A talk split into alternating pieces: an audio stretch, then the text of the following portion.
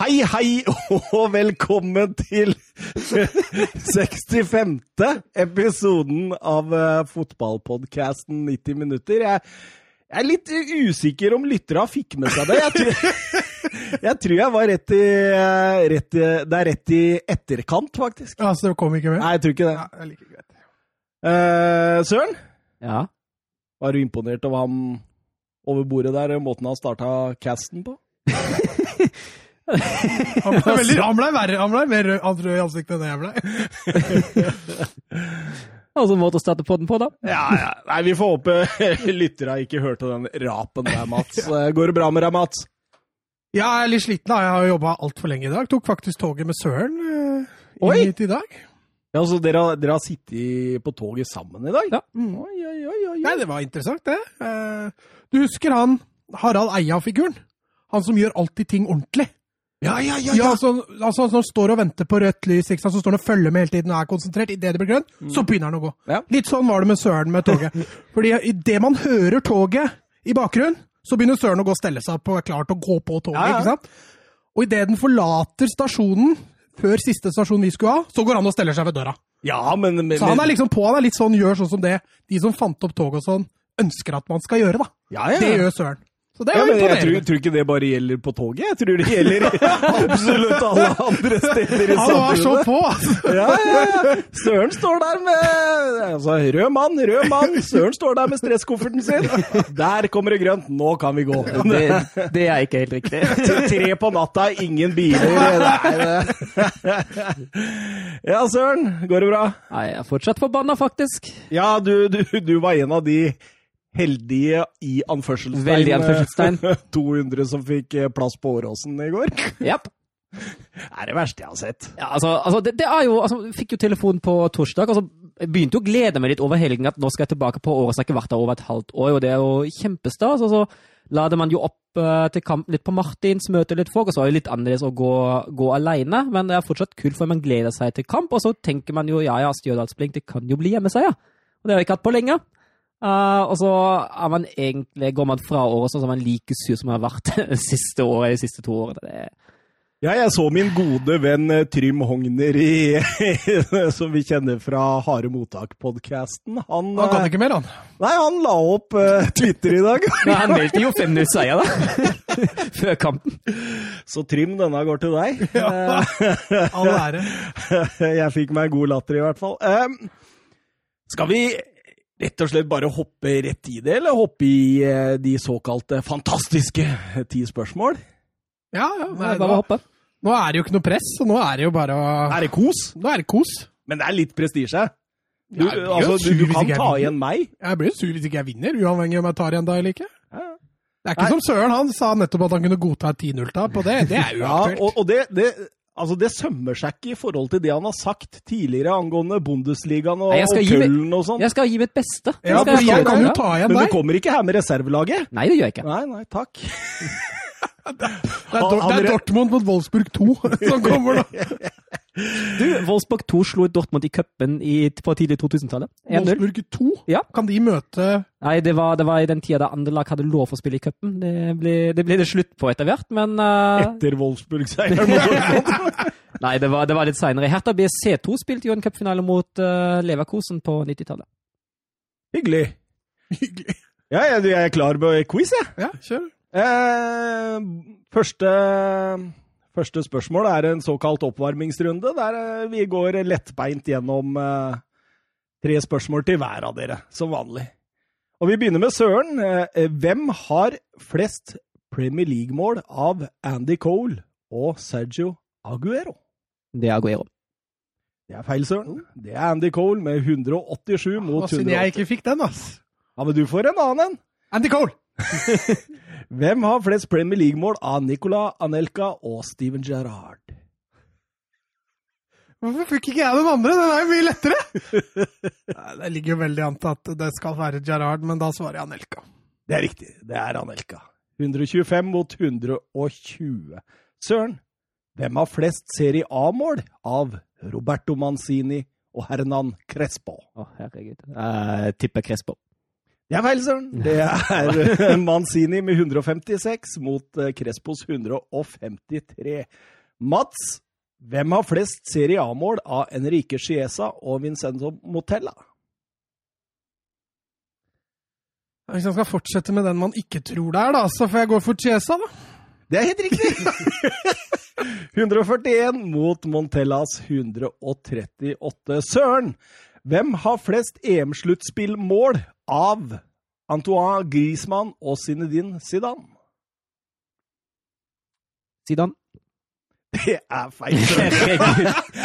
Griezmann har seks, Zidane har fem. Hvem har flest EM-sluttspillmål av Fernando Torres og Zlatan Ibrahimovic, Mats?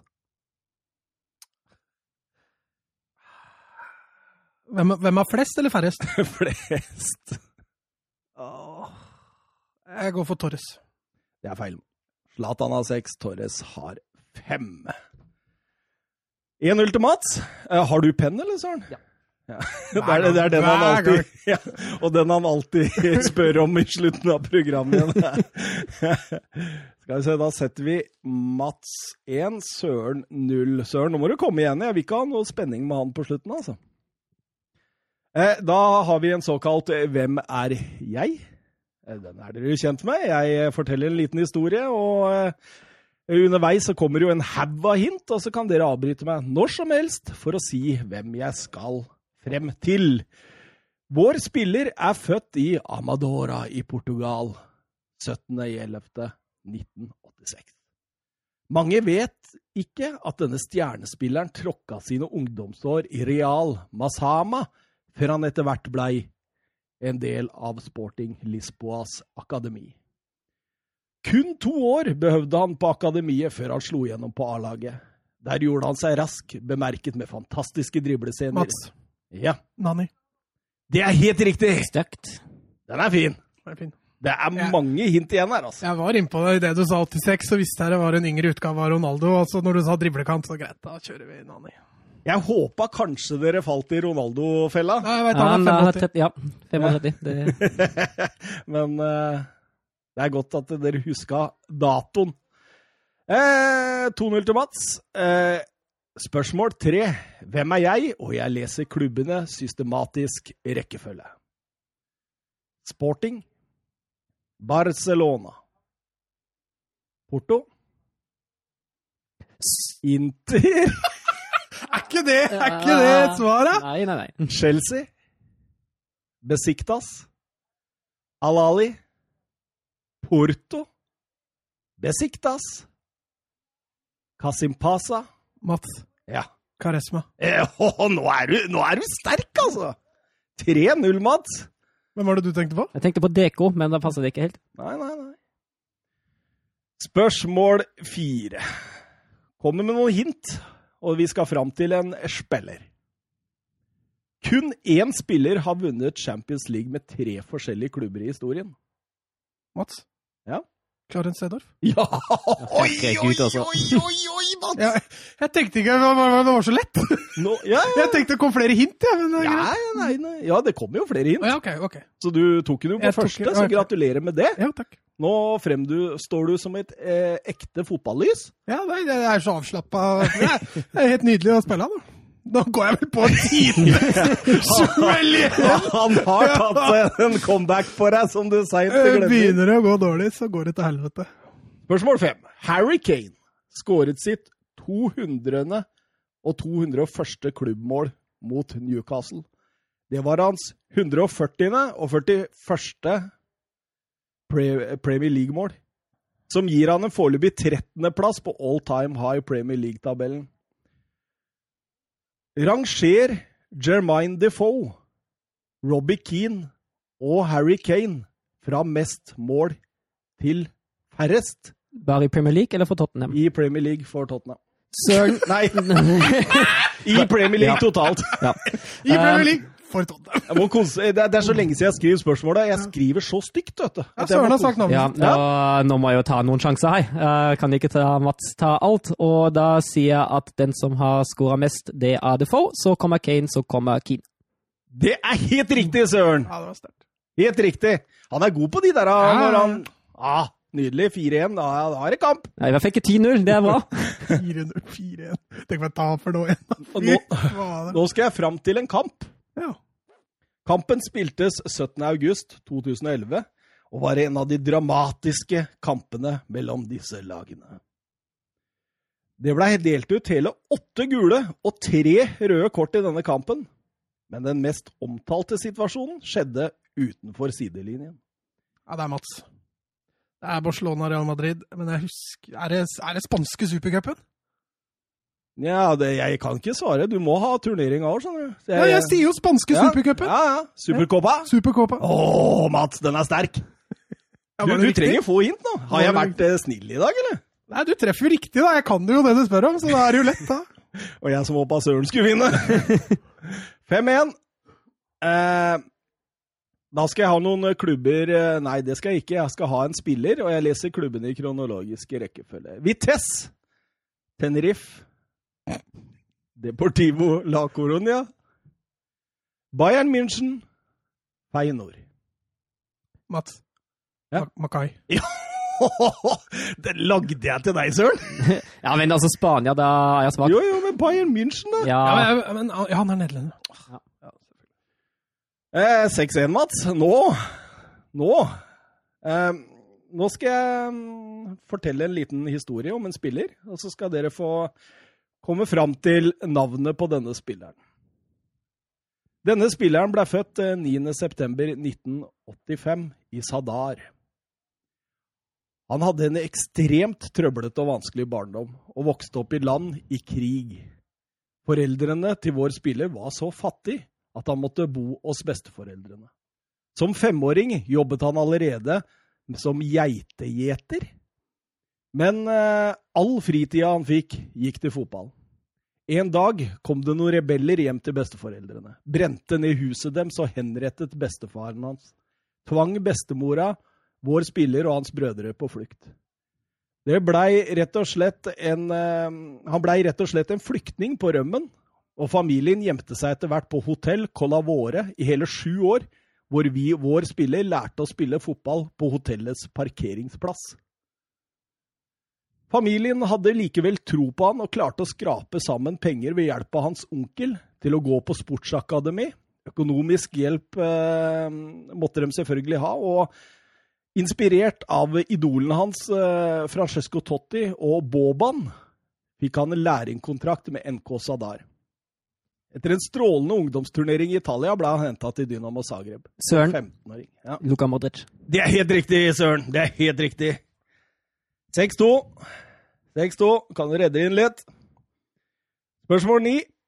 Hvem har flest landskamper for Nederland gjennom tidene? Søren. Oi, den var vanskelig. Kan du ta? En gang til! Søren. Å, Søren. Det er bra. Det Det er så dårlig gjort, ass! Edvin van der Schei. det er feil, Søren. Ja, det var det jeg skulle tippe på. Da var det like greit, da. Han, han her har fire landskamper mer enn van der Sar. Da har jeg faktisk ikke noe gode tips. ass. Frank de Boer. Var van Bronckhorst? Nei, det er faktisk uh, Wesley Schneider. Ja. Har han flest? Ja. Er du sikker? Ja, jeg har jo, har jo gjort min research før dette. Da. um, spørsmål ti. Hva er Masseby-cupen? Masseby Cup? Ja, det kan du godt si, kanskje. Hvis Hva det er? Engelsk. Hvis du er engelsk, så heter det Masseby Cup. The Masseby Cup. Ja, hva er det? Det er ikke så lurespørsmål at det er noe rugby eller noe? Nei, nei, nei, det er innen fotballen. Cup. Er du inne på damer nå, eller? Ligacupen for damer i England? er det sånn lure Det er et, kanskje et litt sånn fiffig Det lure? er, det er ikke et lurespørsmål. Jeg har aldri hørt om det før, faktisk. Cup? Å, tenk at jeg får lære dere noe i dag. Det høres ut som danske supercup eller noe sånt. Ma- Masseby Masseby. Masseby Cup! Nei, jeg har ikke peiling. Er det, er det blankt svar på begge? Nei, Jeg kan jo tippe, da. Masseby. Det høres ut som eh, ligacupen i Skottland. Det er feil, Mats. Eh, danske supercupen. Det er feil, søren. Det er Europa League. Oppstarten var i 1955 under navnet Masseby-cupen. I 1971 blei det Uefa-cupen, og i 1999 slo den seg sammen med cupvinnercupen og blei og, og blei det som heter Uefa-cupen til sammen da igjen. Altså, den, den fikk jo den der Altså, de, de beholdt navnet, men blei slått med. Og så, i 04-05-sesongen, så blei det Europaligaen. Nei, Tyskland kjent som Messepokalen. Da burde du Er mesterpokal? Messe. Messe? Ja, men da, da burde du jo ha tatt den, syns jeg. Eh, Masseby. Masseby. Masseby. Nei. Masseby. Ja, nei, men uh, Mats. Ja, Du kan, du kan ta premien din. Ja, takk. Eh, er du fornøyd med premien i dag, eller? Nutella Be Ready. Ja. Burde egentlig hatt det hver gang. Til heder og ære for en, spesielt én lytter, og noe som eh, Ja. Det er jo godt. Det er veldig godt. Det er veldig godt. Um, vi eh, kan vel rett og slett bare hylle deg med ett poeng, og så kjører vi intro. Takk.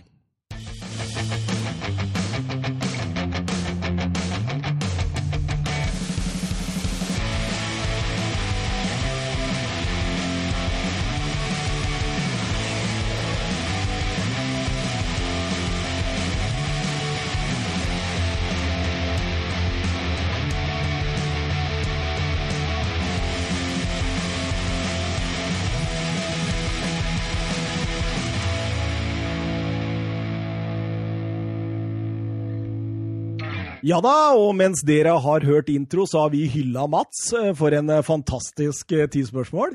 Ja, du ble imponert, da. Ja, jeg blei faktisk det. Ja, Bra, det. Bra. Du tok det så tidlig i hinta. Det var ikke Søren som var dårlig, det var du som var god. Jo, takk. Og det, det er veldig ofte når en av oss har vunnet i ti spørsmål, så har den andre vært ræva. Men det, men, men det skjer ikke i dag, og det, det er imponerende. Du var, du var helt Messi i quiz i dag. Det er, jo- det, er, det er alltid gøy å bli på den sammenligningen. Ja, Uansett. Så kan jo kanskje, hvis det er noen lyttere, jeg veit det er noen lyttere faktisk, som, eh, som stopper før svara og er med på dette. Jeg har fått tilbakemelding om det, sånn eh, Ok. internt, da, Ja. når de hører spørsmålet. Så hvis det er noen lyttere som tok dette raskere enn deg, så vil vi gjerne høre om det. eh, apropos lyttere, vi fikk noen Twitter-spørsmål, og som vanlig så får vi jo Twitter-spørsmål om det vi ikke skal prate om. Så, så vi kan jo begynne med de, da, siden vi liker å svare alle våre eh, lyttere. Eh, det første kommer fra Jonathan Hobber. Han sier frykter søren for at Bundesliga blir støvsugd for stjernere, stjerner utenom eh, fra Bayern München, og at gapet nå blir enda større. Havertz rykter, Werner borte, Hakimi borte, alle selger. Ja, da traff han vel spikeren ganske godt på hodet, uh, syns jeg. Eh, du frykter det? Ja, eh, det har jo vært en tendens de siste årene allerede. Altså, de store stjernene de har jo de har jo til dels vært innom Bundesliga, eh, og så har de dratt da de ble litt for store for Bundesliga igjen. Og så har de gjerne, hvis de ikke da har dratt til Bayern München, men det har skjedd mindre og mindre det òg. Tenk for eksempel på, på De Bruyne og nå som eh, Jonathan nevner Verna og sånne spillere. da. Og Sancho er jo på ingen måte trygg at han spiller en sesong i Dortmund heller. Eh, og og det, er jo, det er jo litt synd. Uh, for det er jo det, det som skjer, at folk kommer til Bundesliga for å bli utdanna og bli bedre spillere der. Uh, men Bundesliga er ikke på topp av næringskjeden, og ikke på topp av lønningslistene heller. Så når det kommer en større klubb, gjerne fra England, da er spillerne borte. Og det har jo akkurat den konsekvensen som Jonathan beskriver, at Bayern München uh, er på toppen av fakkordninga. Uh, og så lenge bare Bayern München klarer å tiltrekke seg stjernespillere, da vil de jo gjerne bli sånn. Uh, har, da jeg, da jeg oppvokste, da sa man alltid at Bayern for at noen andre skal vinne gull enn Bayern, da må Bayern gjøre feil. Og nå ser vi jo denne sesongen har jo Bayern gjort feil, og da har likevel ingen andre klart å vinne gull. Så ja, det, jeg, jeg føler at spreden blir større. og Samtidig syns jeg også at vi ser det nå med Bayern, da de prøvde i fjor på Sané og hva vet jeg hva de prøvde på, så endte de til slutt opp med Perisic og, Coutinho. og Coutinho. Altså, Det var, det var tredje- og fjerdevalg av tre. ja, altså. de helt store stjerner. I- Altså, til og med Bayern sliter med å få de. Og ja, det, det er en litt urovekkende tendens. På altså, det har jo den, den andre fordelen er det jo at eh, Bundesliga må satse mer på unge spillere. Utdanne flere unge, gode spillere til landslaget, og det er færre stjerner som tar plassen til de unge spillere, så det er lavere terskel på å kaste dem inn. Men uh, til slutt går det jo utover kvaliteten. Nå er jo Jude Bellingham, som jeg hadde som ukas talent for eh, snart et år siden, eh, klar for Dortmund. Og det er kjempegøy. Og Ja, det er men- er Men det er, jo, det er jo litt den tendensen vi ser, at de kommer som unge spillere til Bundesliga fordi de vet at da får de spilletid. Da får de uh, taktisk gjerne god utdanning. De utvikler seg veldig godt. Og så drar de når de er 22, 23, 24 og klar til å ta neste steg. Det var en sånn spørreundersøkelse. Spurte 250 Bundesliga-spillere om hvem liga de syntes var best. Ja. Og da var det 90 eh, Altså, Premier League vant. Premier League Og så kom Bundesliga på andre, Ja. og La Liga på tredje. sa jeg.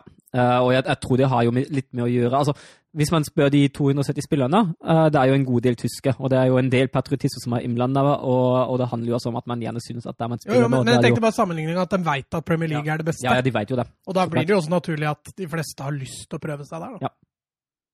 Ja, nei, det Jeg også tenker litt i de baner som du gjør, Søren. At det Jeg, jeg, jeg ser nesten ikke noe konkurranse jeg, for, eh, for Bayern München nå de nærmeste fem-ti åra. Altså, det kan godt hende de snubler ett år, kanskje til og med to, men at de kommer til å være en dominerende faktor i Bundesliga framover, det er ingen som helst tvil om. fordi altså, hele klubben der er jo så gjennomsyra god struktur.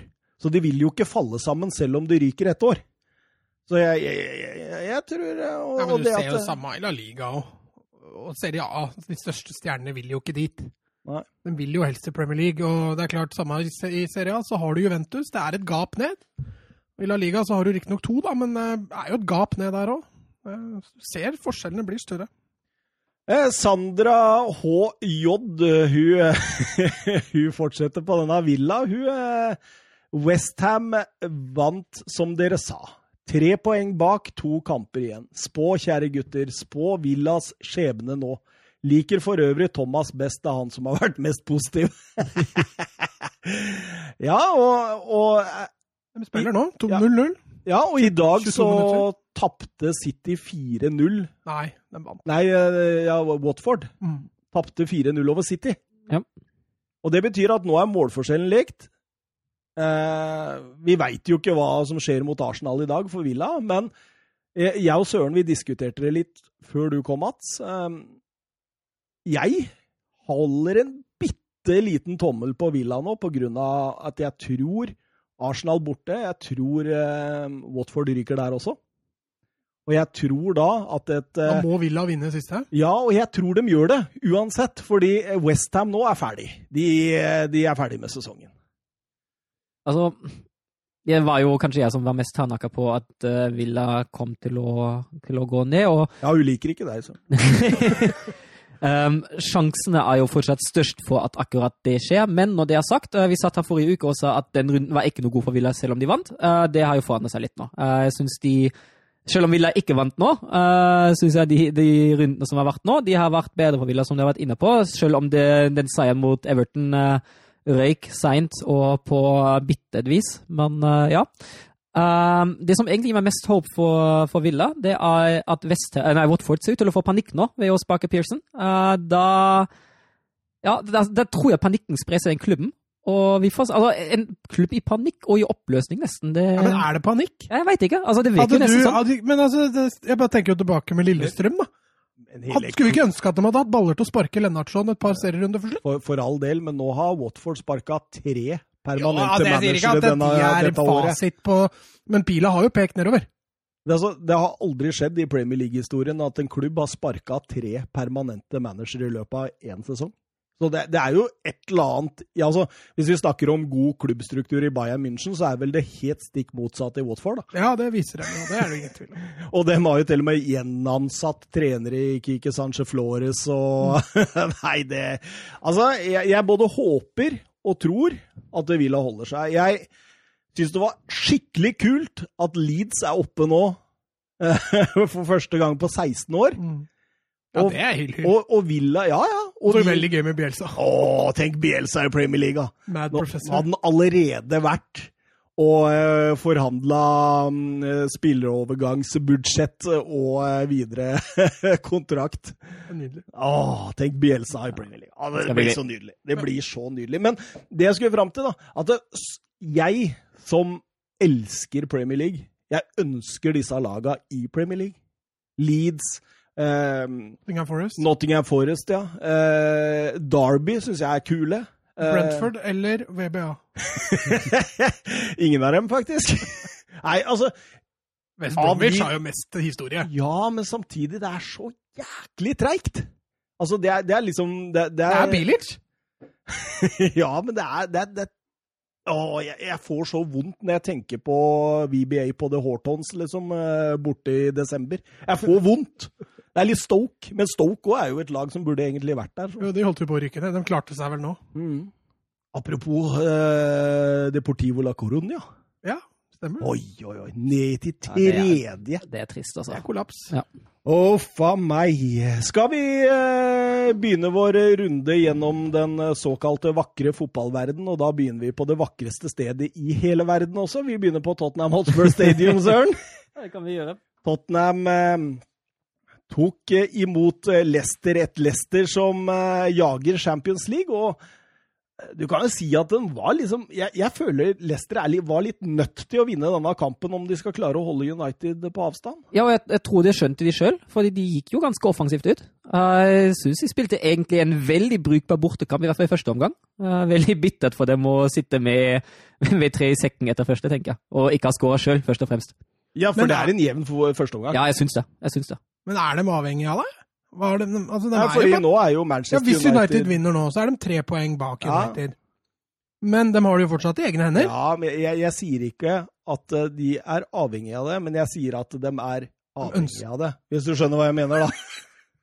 Ja, okay. Poenget mitt, eh, det var det at eh, jeg tror da at Leicester ryker. Ja, men det tror vi alle, tror jeg. At Ja. de ryker. Men dette, hadde de vunnet her, så tror jeg de kanskje hadde klart det. Eh, men eh, ja Tottenham får jo tidlig ledelsen, da, Søren. Ja, Sterkt gjort av Harry Kane. Uh, nydelig hvordan han uh, holder på ballen og sender den med utsidafoten uh, i bakrommet på sånn. Og så ja, uh, gjør, så, gjør sånn det han skal som kontringsspiller. Og er litt heldig at den går via, via Justin, da. Harry Kane, som var banens gigant, egentlig. Ja, herregud. Han, han er jo involvert i alle tre mål, i høyeste grad. En assist og to skåringer. og jeg så jo, eh, så jo den statistikken, eller de videoene de kom fram med de løpene han tar, fra egen boks opp til motstandsboks. Det er jo helt enormt. Minner Ja. litt om Erling Braut Haaland i den ene for Dortmund. Kommet litt i form igjen nå, Harry Kane. etter, Sammenligner en eh, Haaland med Kane nå. Nå. Han har blitt Haaland-fanboy. Han har blitt en fanboy! Han hater ikke Haaland mer, han. Han trodde Haaland på andreplass, han i toppskårer... Jeg har aldri hatt Haaland. Nei, nei, nei, nei. Han hater ikke Haaland. Han hater Viasat Studio og hele pakka. Hater ingen, jeg! Men eh, det jeg skulle fram til, da, er at eh, Tottenham senker jo seg ned i en 4-1-4-1 defensivt her, og, og, og skal bare ligge og kontre. Og det er jo to overganger de også får eh, 2-0 og 3-0 på. Eh, fantastisk, egentlig. Eh, altså, hvordan de sender bare Du ser dem bare sende Son, Mora, Kane på løp flere ganger, og det er jo de tre også som fikser seieren. Det er jo det der som har vært litt ødeleggende for Tottenham i det siste under Mourinho, at de har ikke fått til de overgangene. Og i de to siste kampene så har det jo fungert. Og da får du plutselig litt annen feeling på Tottenham med en gang. Ja, eller, eller kanskje nesten altså Jeg, jeg har til gode å se at Tottenham gjør det bra i etablert angrep over tid i en kamp. eh, Ja, ja under Mourinho. Ja, under Mourinho, Ja, ja. selvfølgelig. Men så lenge kontringsspillet funker, og det møter et offensivt Leicester, passer jo Mourinho som fot i hanske. Jeg, jeg tror, da eh, Det er, det er mange Mourinho-skeptikere ute der, og jeg, jeg ville jo ljugd sjøl om jeg ikke har vært litt skeptisk eh, et par ganger sjøl. Men altså jeg, jeg tror, når han kom på feltet altså vi, først For første gang må tenke på at Tottenham da, det siste, altså la oss si kalenderåret, så lå det altså Det var så dårlige resultater at de kunne ryka ned. Sånn hvis det hadde vært gjennom en hel sesong. Mm. Så jeg tror han tenkte her må vi kjøre på det defensive. Her må vi tette igjen. Og det ser ut som han har gjort det. Jeg syns Tottenham nå virker mye mer solid enn vi har sett på lenge. Den skikkelig down-perioden de hadde, det var uten Son, det var uten Kane, det var uten Bergwijn, uten Mora, uten alle. For han hadde jo knapt nok noen offensive spillere igjen. Alle, alt var skada. Det var Don-perioden. Etter denne horrible koronapausen så har alle spillere kommet tilbake igjen. Og jeg så en statistikk på at Tottenham er det fjerde beste laget i Premier League under Mourinho all over. Mourinho-tabellen. Mm, Mourinho-tabellen. Så altså, det, vært det, ja, men det er åpenbart at han har gjort dette laget i hvert fall mer solid, og så, kan du, så går det på tross av en underholdningsverdi som ikke alltid er like bra. da. Nei, det er jo ikke det. De, jeg syns det etablerte angrepet til Tottenham, det er der skoen trykker litt. Men Det er som sa i stad, når de møter de laga de gjør som tør å kjøre offensivt, så passer det jo perfekt for uh, Mourinho og Tottenham. Annen omgang, det er nesten ikke Det, nødvendig det å skjer jo, skjer jo ingenting. Mourinho trekker, trekker begge kanter ganske dypt i banen og dreper den kanten da på mesterlig vis. på Mourinho-vis. Ja. Og det var jo en gavepakke det til Manchester United fra José Mourinho. Ja, og Chelsea. Ja, ikke minst, ja. Eh, Tottenham hadde kun 29,5% ball mot Leicester. Det er det laveste Tottenham har hatt siden september 2012 mot Manchester United. Det er en god del år siden de har hatt Men det, når du ser annenomgangen, så skjønner du litt hvorfor òg. Det, det la litt opp til det. Og dette var den fjerde strake hjemmeseieren. Det har ikke skjedd på et par eh, sesonger, det også, så det Ja, ja. Det går opp og ned også i Mourinhos verden. Eh, Vi fikk et eh, spørsmål fra Fredheim. Jeg må bare finne det. Vebjørn Fredheim. Hørte i Golden Cockerel at Tottenham Tottenham? Jeg kaller meg sjøl Tottenham. Thomas eh, lurte på eh, om panelet synes om Mourinho Mourinho to Dare is to do. Vil høre hva Thomas selv mener etter 3-0-seieren med under 30 ballinnehav. Eh, Ja, men altså Blir det Hva, sånn hva mente de i Golden Cockerel først, da? For det veit ikke jeg. Fikk du svar? Ja. Eh, men jeg husker ikke. Det var dumt at jeg spurte. Sorry. Greit, ditt Nei, svar, ditt svar nei, da. men uh, mitt svar jeg, jeg, jeg mener jo ofte at jeg har rett. nei, altså jeg, jeg tenker jo at eh, jeg vurderer ikke Mourinho nå. Jeg vurderer Mourinho på slutten av neste sesong. Om man kan se om det blir noen forandringer i det offensive. Jeg tror fortsatt han jobber knallhardt med det defensive. Det tror jeg han gjør enda. Og så må han få tid til å utvikle det offensive. Rett og slett. Så jeg, jeg, jeg gidder ikke å ta noen vurdering nå. Jeg sitter og Men basert på det han har gjort tidligere, da. Altså, I United og Chelsea, kanskje de to siste jobbene, da, så, så har jo ikke det vært all verden offensivt, det.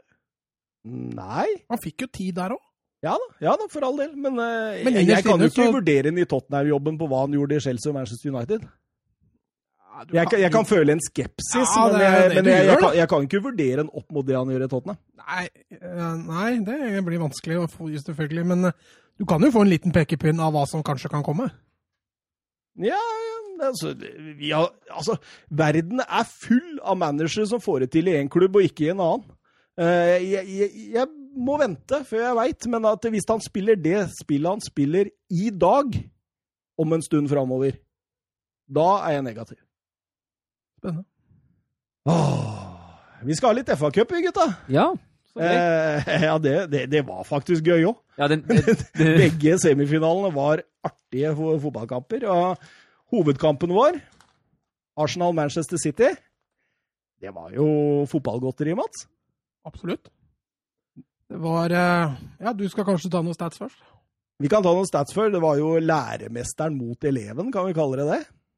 Det var, Ja, han var vel tre og et halvt år han var sammen med Peppi City, så det Ja. blir, vel, blir vel nesten som det. ja. Sist lagene møttes i FA-cupen var 23. april 2017. Det var også i semifinalen. Arsenal vant 2-1 da. Sanchez skårte i ekstraomganger. I, oppgjørene i Premier League denne sesongen har begge en 3-0 til Guardiola og Manchester City. Samlet de siste 28 kampene har Arsenal vunnet 9, 6 uavgjort og 13 seire til Manchester City. Så et lite overtak til City der i nyere historie. Begge lagene kom fra seire. Arsenal vant 2-1 over Liverpool, og City vant 2-1 over Bournemouth. Begge lagene gjorde fem bytter fra de kampene som ble spilt for bare tre dager tidligere. Eh, Arsenal i en 3-4-3. Eh, som vanlig PP, Lacassette og eh, Aubameyang på topp. Eh, Ceballos og Sjaka sentralt der, og Beirin og Maitland Niles på kantene. Eh, City de eh, kjørte Jesus på topp med Mares og Stirling på hver sin side, og eh, Gundogan, Silva og De Brøne sentralt på midten. Og, ja, Laporte og Garcia, Mats. Garcia han begynner å få litt spilletid, han. Ja, han har fått mye, men det tror jeg er litt på bekostning av at det er ikke så veldig mange andre bedre alternativer i City. John Da han gjør en decent jobb. Ja, da, han gjør det bra. Jeg syns han hadde en litt svak kamp nå, men, eh, men han og Laporte er nok eh, det Guardiola har lyst til å satse på, tror jeg. Hvis han ikke kjøper noe. Det virker jo som han er veldig nær. Ja, det er, Kane. eh, det er et par spillere som er på vei linka. Ja. Eh, kampen, Søren. Eh, hva tenker du om åpningen? Nei, jeg synes jo altså City har jo 83% possession de første ti minuttene. Uh, men jeg syns allerede tidlig i kampen blir det veldig tydelig det mønsteret som, uh, som Arsenal vil lyst til å kjøre. Stenge sentrum og tvinge City ut på kant. Uh, det er jo det er noen sånne, sånne halvfarligheter, men de skjer jo enten etter innlegg eller nå Arsenal, og da les Mustafi klønene til i, i oppbygginga, fordi ellers kommer City seg ikke gjennom i sentrum, og det er jo litt sånn den gjengangsmelodien som vi kommer til å sitte med. Ja, men, men, samtidig, jeg følte at uh, City ville litt inn bak vingbekkene til, uh, til, Arsenal til å begynne med. Ja, jeg tror også Arsenal har starta den formasjonen før, og jeg tror Guardiola var litt forberedt på at Arsenal kom til å legge seg lavt. Og tenkte tidlig at her må vi inn bak bekkene. Så jeg er litt enig med deg. Jeg tror også han hadde litt fokus på det, å komme bak vingbekkene. For du får også kantspillerne til City starta kampen bredt. Vi kan komme tilbake til etterpå hvordan de trakk seg bare mer og mer inn i midten, inn i dynga etter hvert. men og City, de første ti minuttene, var kanskje City sin beste periode i kampen. Og der er det flaks, at de ikke ligger under både 1 og 2-0, kanskje?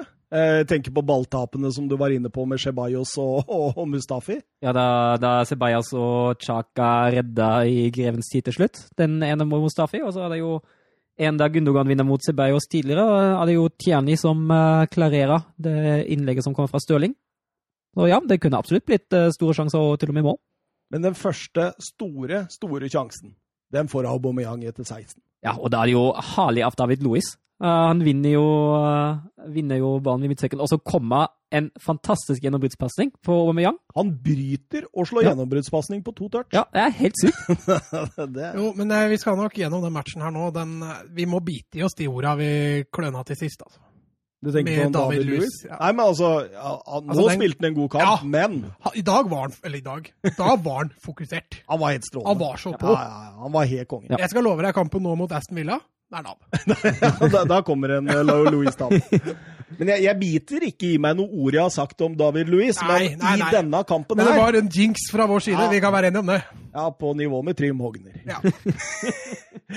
men bare ja, du, du, jo, Aboyang eh, ja, skyter jo rett på ja. Ederson. Det er jo dårlig avslutning. Mm. Eh, virker nesten litt panisk. Men to minutter etterpå Det angrepet da, Mats? Ja, det starter helt bakerst. Og det ser ikke ut som Arsenal har lært fra det de drev med i starten. Eh, det er både positivt og negativt at de fortsetter å prøve. For det er jo åpenbart at det er det Arteta way. Um, og her får de det til. Og det er vakkert. Det er ut på stopper, inn igjen på keeper, ut på sentral, tilbake på stopper. Fram på wingback, inn igjen i midten, fram på kant, og innlegg og mål. Og det er eh... Så den eksplosjonen det kommer fra, ja, altså, altså fordi de, det går relativt ja, rolig bak? Når de, får frispilling, når de klarer å frispille seg gjennom eh, midtbaneleddet, da skjer en eksplosjon. For da får de plutselig rom foran seg å angripe. Mm. Og løpene og pasningene som da skjer, alle går framover. Ja, nydelig. Det er nydelig. Og det er, det er jo litt det mønsteret som Arsenal prøvde seg på i oppbyggingsspill. Å trekke, trekke Citys press på den ene siden igjen mot høyre for å frispille seg på venstre og plassere både Tierney og Maitland Nights litt høyere opp i banen. At man fikk litt rom der, at Louis kunne slå litt ut der. Og de fikk rom på seg, og da fungerte det jo utmerket på den ene skåringa. Men hva tenker vi på presset til Mendy på PP der før innlegget? men tru, jeg, der tror jeg Mendy tenker at det er ikke farlig ennå. Jeg, ja, okay. jeg, tror han tenker at jeg har kontroll på PP. Ja. Men det han gjør, er jo det at han tillater innlegget. Ja. Uh, og så er jeg helt enig med deg, det er jo svakt presspill fra Beck. Han må egentlig til begge bekker, for Kyle Walker slipper jo Ja, han slipper det på blindsida si, han gjør jo det. Men det er, nei, det er svakt eh, backspill. En må tvinge For så vidt greit å være avventende i presset i forhold til å ikke ville selge seg, men du må i hvert fall tvinge kantspilleren vekk fra mål, ikke inn i sekken. Nei. 23 minutter, potensielt rødt kort til Mustafi. Eh... Det hadde vært typisk. ja, men altså, men jeg, jeg, altså det, det var, var, akkurat som kommentatorene. Ingen nevnte noe med det. Men han tråkker jo, stempler jo nærmest på akillesen, hæren til David Silva der. Å ja, når han går forbi. Er det den du mener? Ja. Ja, men Syns du det er rødt kort? Nei, jeg, altså, jeg har ikke sagt mitt standpunkt. Men Nei. jeg sier hva tenker vi? Nei, jeg syns ikke det er rødt. Nei, men Det kunne vært gult, men da måtte dommeren sette. Ja, jeg vet ikke, altså Han mister jo skoen der. da, Han får vel frispark, gjør han ikke det? Ja, han får frispark, ja. ja. Men jeg, jeg syns det. Jeg det er gult. Ja, ja, ja. Men uh, at du var ikke går inn på det, er helt greit. 27 minutter. eh, Arsenal har eh, senka seg lavt igjen over en periode. Etter Veldig en periode. bra, det der avventende Ja, presset til Arsenal. hvordan de driver på det. Ja, altså, nydelig. En ting er det at det varierer det høye og det lave presset, men måten de presser lavt på også, var egentlig veldig godt å se. Fordi de greier å opprettholde press på ballfører selv om de ligger lavt. Og det er vanskelig mot City, fordi de har bare ballen i ett sekund av gangen. Mm. Og allikevel greier Arsenal å skape et press på ballfører hver gang. Ja. Og det sliter City med. Også som jeg sa i stad, nå kommer vi til en periode av matchen hvor kantspillerne til City bare trekker mer og mer inn. Jeg skjønner ikke hvorfor de begynte med det. Nei, absolutt ikke. Og Chebayos og Sjaka gjør jo en strålende defensiv jobb der. Altså, Sjaka han har også skjerpa seg. altså. Ja, han har gjort det. Chaka følger jo De Bruyne nesten alt han går i banen. De Bruyne faller jo bare dypere og dypere. eh, og så prøver han jo ikke tre å- Eller Chaka følger jo ham, så han, han får jo ikke gjort noe som helst. Det er som, den eneste som faktisk får litt rom på høyre, det er jo Kyle Walker, men Kyle Walker nekter jo konstant å utfordre Maitland Niles. Ja, ja. Ja, men, og det ser det i andre gang òg, hvordan Ja. De Bruyne plutselig er på høyre kant. Ja, fordi da, da, han, prøver å men- slippe ja. unna. Men der tror jeg han har blitt bedt Ja. av Ja, Ja, fordi han, han, han, han trekker Walker litt, sein, eh, litt, eh, litt mer sentralt og bak i banen for han ikke å utfordre. Og da er det De Bruyne som annen spiller som klarer å utnytte, utnytte de én-mot-én-situasjonene han kommer inn i, i hvert fall. Litt bedre. Så kommer det et eh, svært dårlig Ederson-utspill eh, mot Kevin De Bruyne. Blir brutt, og Aubameyang eh, kommer Eller står feilvendt alene med Ederson. Eh, surrer bort en eh, Men jeg syns, jeg syns han tenker riktig. Men er det offside? Burde det oh, ja, ja, det, men det kan godt hende det hadde blitt Ja, jeg offside. tror det, altså. Eh, det, for det, det så la jeg også merke til, at det kanskje burde ha vært offside. Men i og med at det ikke blei noe, så blåste det vel ikke. Men jeg syns Aubameyang tenker riktig der. Mm. Å slå i medløp. Men Arsenal-spilleren står helt rolig og vente på ballen i beina. PP? Jeg var ikke PP? Jo, jeg Jo, jeg også mener å huske det var PP. Så jeg mener Aubameyang tenker riktig, og PP er rett og slett stasjonær. Altså. Og i denne perioden her så syns jeg Arsenal er skikkelig gode i dette, det defensive arbeidet. Og City slipper jo nesten ikke til på denne tida her. Nei. Eh, veldig bra. Ja, jeg synes, eh, City prøver jo alt. Du ser han prøver, som du, du var inne på. Flytte bekker inn, kanter ut. Flytte kanter ut, bek, eh, bekker inn. Ja, han prøver alt. Han prøver motsatt medløp. og Han gjør all, absolutt alle forsøk der, eh, Pep Guardiola. Ja, han gjør jo det. Men eh, Arsenal har en midtstopper som har dagen, for å si det sånn. Jeg tror han har vunnet alle hodedueller unntatt én, og det var det der Mustafi var på banen ti meter foran ham. eller noe sånt. Så det er helt Altså, sykt. altså måten han rydder unna på egen Ja. boks der. Det er ikke Sjef? Ja, han var sjef. Ja, ja. Hva Eh, se Maguire. ikke sant? Mustafi-sjanse etter 40 minutter, Søren. Ja, kanskje det, kanskje det beste han gjør i hele kampen.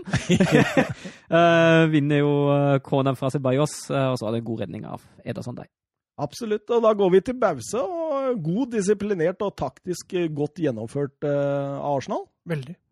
Eh, City dominerte i første ti, men etter dette føler jeg Arsenal har god kontroll, rett og slett. Ja, altså City dominerer jo fortsatt ballinnehavet totalt sett, men eh, jeg føler også det. Arsenal de, de gjør egentlig en perfekt førsteomgang. Så du mot slutten der hvor hektisk aktivitet det var mellom eh, Guardiola og trenerne sine? Ja, det, det, og han, han ga den stolen en leksjon, ja. Ja, ja. Ja, det var men humor. jeg, jeg, jeg tror det så bare ut som stol, fordi han har jo én sittende til venstre for seg og Ja, én ja, bak. men så det han- var fortsatt Ja, ja, ja. utrolig moro. Altså, når folk da begynte på Twitter etterpå, nå vet i hvert fall stolen hva den skal gjøre.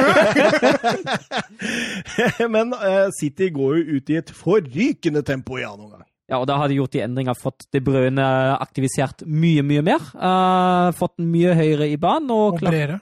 og bredere, og klart å, å utnytte litt mer de uh, svakhetene i Atetas spill. Så Guardiola har egentlig trukket de riktige konklusjonene i pausen. Ja, han gjør jo det helt rette, og Ja. de får et enormt overtak. Mm. Ja, og de skaper jo, de skaper jo sjanser. Det, den Altså- første kom jo etter, den første virkelig store kom jo etter fire minutter. Ja, ja, stemmer. Du tenker på Stirling? Det er den jeg tenker på. Den, Dresjern rett utafor der. Ja, det er. Burnsetten, faktisk. Ja, I hvert fall få den på mål. ja, Stirling hadde jo også en svak avslutningsdag, dessverre, på City. Ja, rett etter der, bare fem minutter etterpå, så er det jo eh, Mares eh, som eh, tester Martinez. Martinez redder flott. Ja. Fosser inn i 16-meteren der og skyter i nærmeste. Martinez holder. Jeg syns han er god, han Martinez. altså. Ja, jeg, jeg husker ikke hvilken kommentator som sa det, men jeg, jeg tror faktisk Arsenal har den beste keeperduoen i Premier League. Mm. For det Martinez har vist nå når Leno er borte. Det er Altså, helt ekstremt. altså nå, Leno må jo virkelig føle at plassen er litt trua. Ja. Og Martinez har levert til seks på terningen. Altså. Ja, som jeg sa i forrige episode, at jeg tenkte oi, Arsenal når Leno ble eh, Mm. skadd. Men dette her er jo strålende. Eh, 53 minutter, så skriver jeg i notatene mine at eh, de har justert eh, KDB ut høyre for å få mer flyt i laget, og, eh, eh, og det, det kommer større rom der. og jeg tenkte, hvordan skal Arsenal på en måte tette dette rommet da, som oppstår der hele veien? Fordi du så at Sjaka var ikke like interessert å fly etter De Brøne ut på høyrekanten. Nei, for da den, den jobben er jo egentlig Maitland Niles, uh, men uh, da har jo De Bruyne et uh, godt overtak på ham. Og det resulterte jo i at eh, Mares fikk flere én mot én mot Maitland Nice også. Mm. Og uh, selv om de endte vel relativt 50-50 i den duellen. Nei, men det er med en Walker klart i første omgang. Ja. Uh, Walker var- tapte jo 0-100. Ja, men Walker har tapt seg voldsomt ja, offensivt. Han var jo en av de bedre offensive bekkene i Premier League en stund. Men jeg syns også Maitland Niles defensivt var bra. Altså. Han er veldig arbeidsom og veldig lojal til Han var fryktelig svak offensivt, men defensivt fungerte det veldig bra. Men når kampen da runder timen, så begynner Arsenal å henge skikkelig i tauene. Og jeg bare forventa at det nå kommer 1-1 og 2-1 snart i City. Mm. Uh, uh, 63 minutter. Uh, var det straffespark? Jeg tenker på Mustafi Stirling. Altså, han, han, eh, han går jo ned veldig tidlig i påvente av en kontakt. Jeg syns det er greit å la han gå. Jeg synes Men det er det er dust av, Ja, det er av eh, det er det jo utvilsomt. Ja, han gir sjansen til dommeren å gi et straffe der. Eh, Jeg, jeg tror Jeg syns det er riktig av VAR å ikke gå inn. ja, Ja. men jeg tror ikke hva hadde omgjort hvis han hadde, hvis han hadde tatt straffe heller. Nei, det tror ikke jeg heller. Så ja, Men det er, jeg mener at det er forsvarlig med begge deler. Sånn, ja. Men jeg syns det er ok at det ikke blir straffe. Sånn totalt sett, så Ja. syns jeg det. Eh, 64 minutter, eh, gigantsjanse på den påfølgende corneren der. Ja, og Da har vi jo den situasjonen da kommer corneren fra Kevin De Bruyne Mustafi. Header ballen vekk fra David Louis, og den faller på Stirling. Altså, han faller på Stirling der, Ja. for for to-tre meter så veit ikke Stirling hva han skal gjøre, og Martinez kan bare plukke den inn. og eh, hvor lenge ville dette holde? Da syns jeg Roma ble større, da syns jeg presset ble større, og eh, City gjør også eh, et bytte da, som jeg tenker nå. Ja, det, var, det tenkte jeg med Rodri Foden, og Foden inn. Foden der. Mm. Jeg syns også Gundogan slet.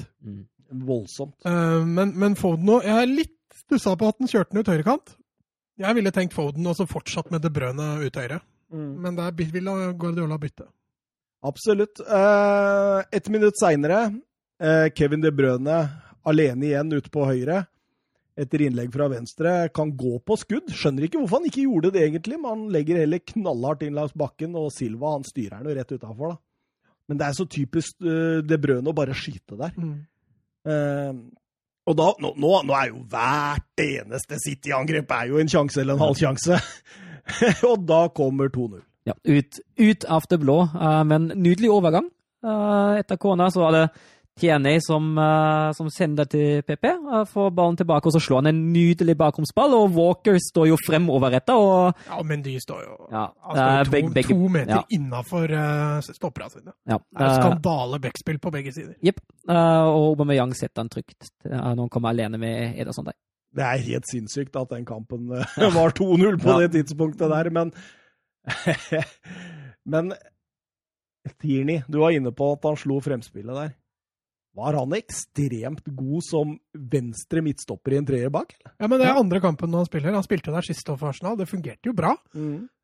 Jeg syns det passa bra i den matchen her òg, for han er så dyktig på å sikre Maitland Niles eh, med sin både farta han har, og, men han er brukbar offensiv òg.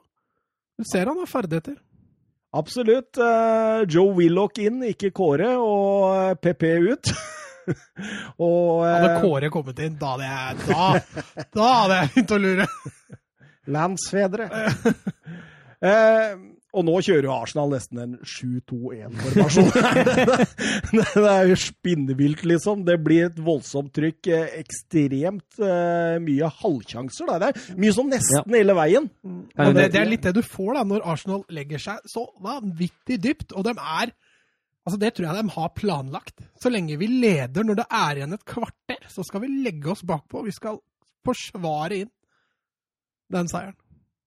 Jeg så dem i Viasat-studio etterlyste den der store, sterke engelske midtspissen nummer ni på City når kampen er i en sånn fase.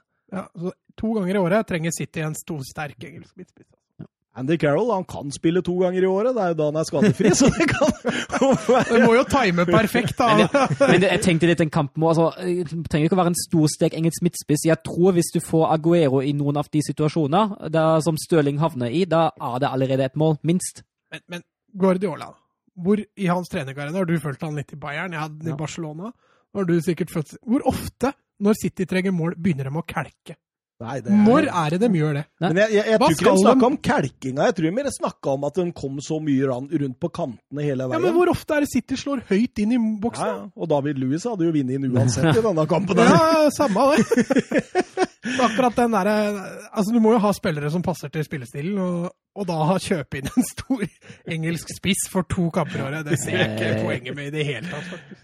Lacassette eh, byttes ut, Torreira inn, og Arsenal går nå over til en 8-2-0. Eh, Men eh, det skaper jo ikke så voldsomt mye etter dette nå, for nå, nå begynner jo Arsenal igjen å få litt ro baki der. Laporte-skuddet fra 20 meter, den Ja, det, det er kanonkula nære. Med høyre. Ja, den var strålende. Så fikk vel Louis også blokkert en der Mustafi gikk på en skuddfinte, og Louis kastet seg inn mot Stirling. Ja, stemmer, stemmer. Det... Men eh, nei, jeg kan ikke gjøre annet enn å gratulere Arsenal med finaleplass. Jeg, jeg Ja, spiller de sånn i finalen, så blir det ratt uh, finale. Nei, Og- blir det ratt pokal. Og det kan bli en sånn eh, finale òg, egentlig. At eh, Arsenal legger seg litt bakpå. Det er Chelsea som eh, styrer. Nå, Ja. nå sa jeg jo neste kamp. Ja, men det går fint, da. De veit vel kanskje om det, Ja, jeg de som det. hører. Du skjønte Nei, nei, nei, ingenting! datt i- tenkte jeg, skal vi prate om FA Cup-finalen? Er det farlig? Har den vært nå? har den liksom vært? Eh, Sander Midtstuen, eh, Viasat-studio, mente Arteta nærmest hadde slått knockout taktisk på Guardiola. Hva med å se litt bak resultatet? Ja, jeg er litt enig med ham der også. Uh, altså for det første, hvis du ser på expected goals, uh, står jo den 1,8 mot 0,9 i Citys favør. Det er jo klart at Arteta gjør jo gjør jo nesten det han må. eh, prøver å spille, spille kynisk. Eh, men eh, jeg mener jo at Guardiola tar jo tar jo de riktige taktiske konklusjonene, og når han gjør det i pausen, når Guardiola tar de riktige, riktige konklusjonene, tar de riktige trekkene, da svarer jo ikke Arteta på noe som helst. Da er det jo egentlig bare tur og flaks at City ikke utligner og vinner den kampen her. Så jeg er ikke helt enig. Altså, han, gjør jo, han gjør jo en god jobb inngangsvis, og jeg sier ikke at det er helt feil det han gjør, men å si at han slo taktisk knockout på Guardiola, det er jeg ikke helt med på. altså. Men han har, som du sier, inngangen til kampen. Der har Arteta gjort en bedre jobb enn Guardiola. Ja. Den første gangen, det er knallbra Arsenal. Og så er det som du sier, andre gang så er det det er uturete av City at de ikke får et mål. Der ser du Guardiola som matchcoach, da. Ja, ja. hvordan han kan forandre bilder og sånn. Mm. fordi det er jo helt fantastisk, det han gjør i annen omgang, egentlig. Altså, tot kampen totalt sett, så er jo City de fortjente seiersherrene, men med, med tanke på det Arsenal kom med, da, og, og sånn situasjonen var, og, og det Arteta hadde å gå med, så gjør jo Arteta egentlig og Arsenal en prikkfri kamp. Mm. Eh, banens beste poeng, gutta? Ja. Nei, eh, eller vil du starte, Mats? Ja, ja, jeg kan godt begynne. Jeg har eh, David lyst på tre.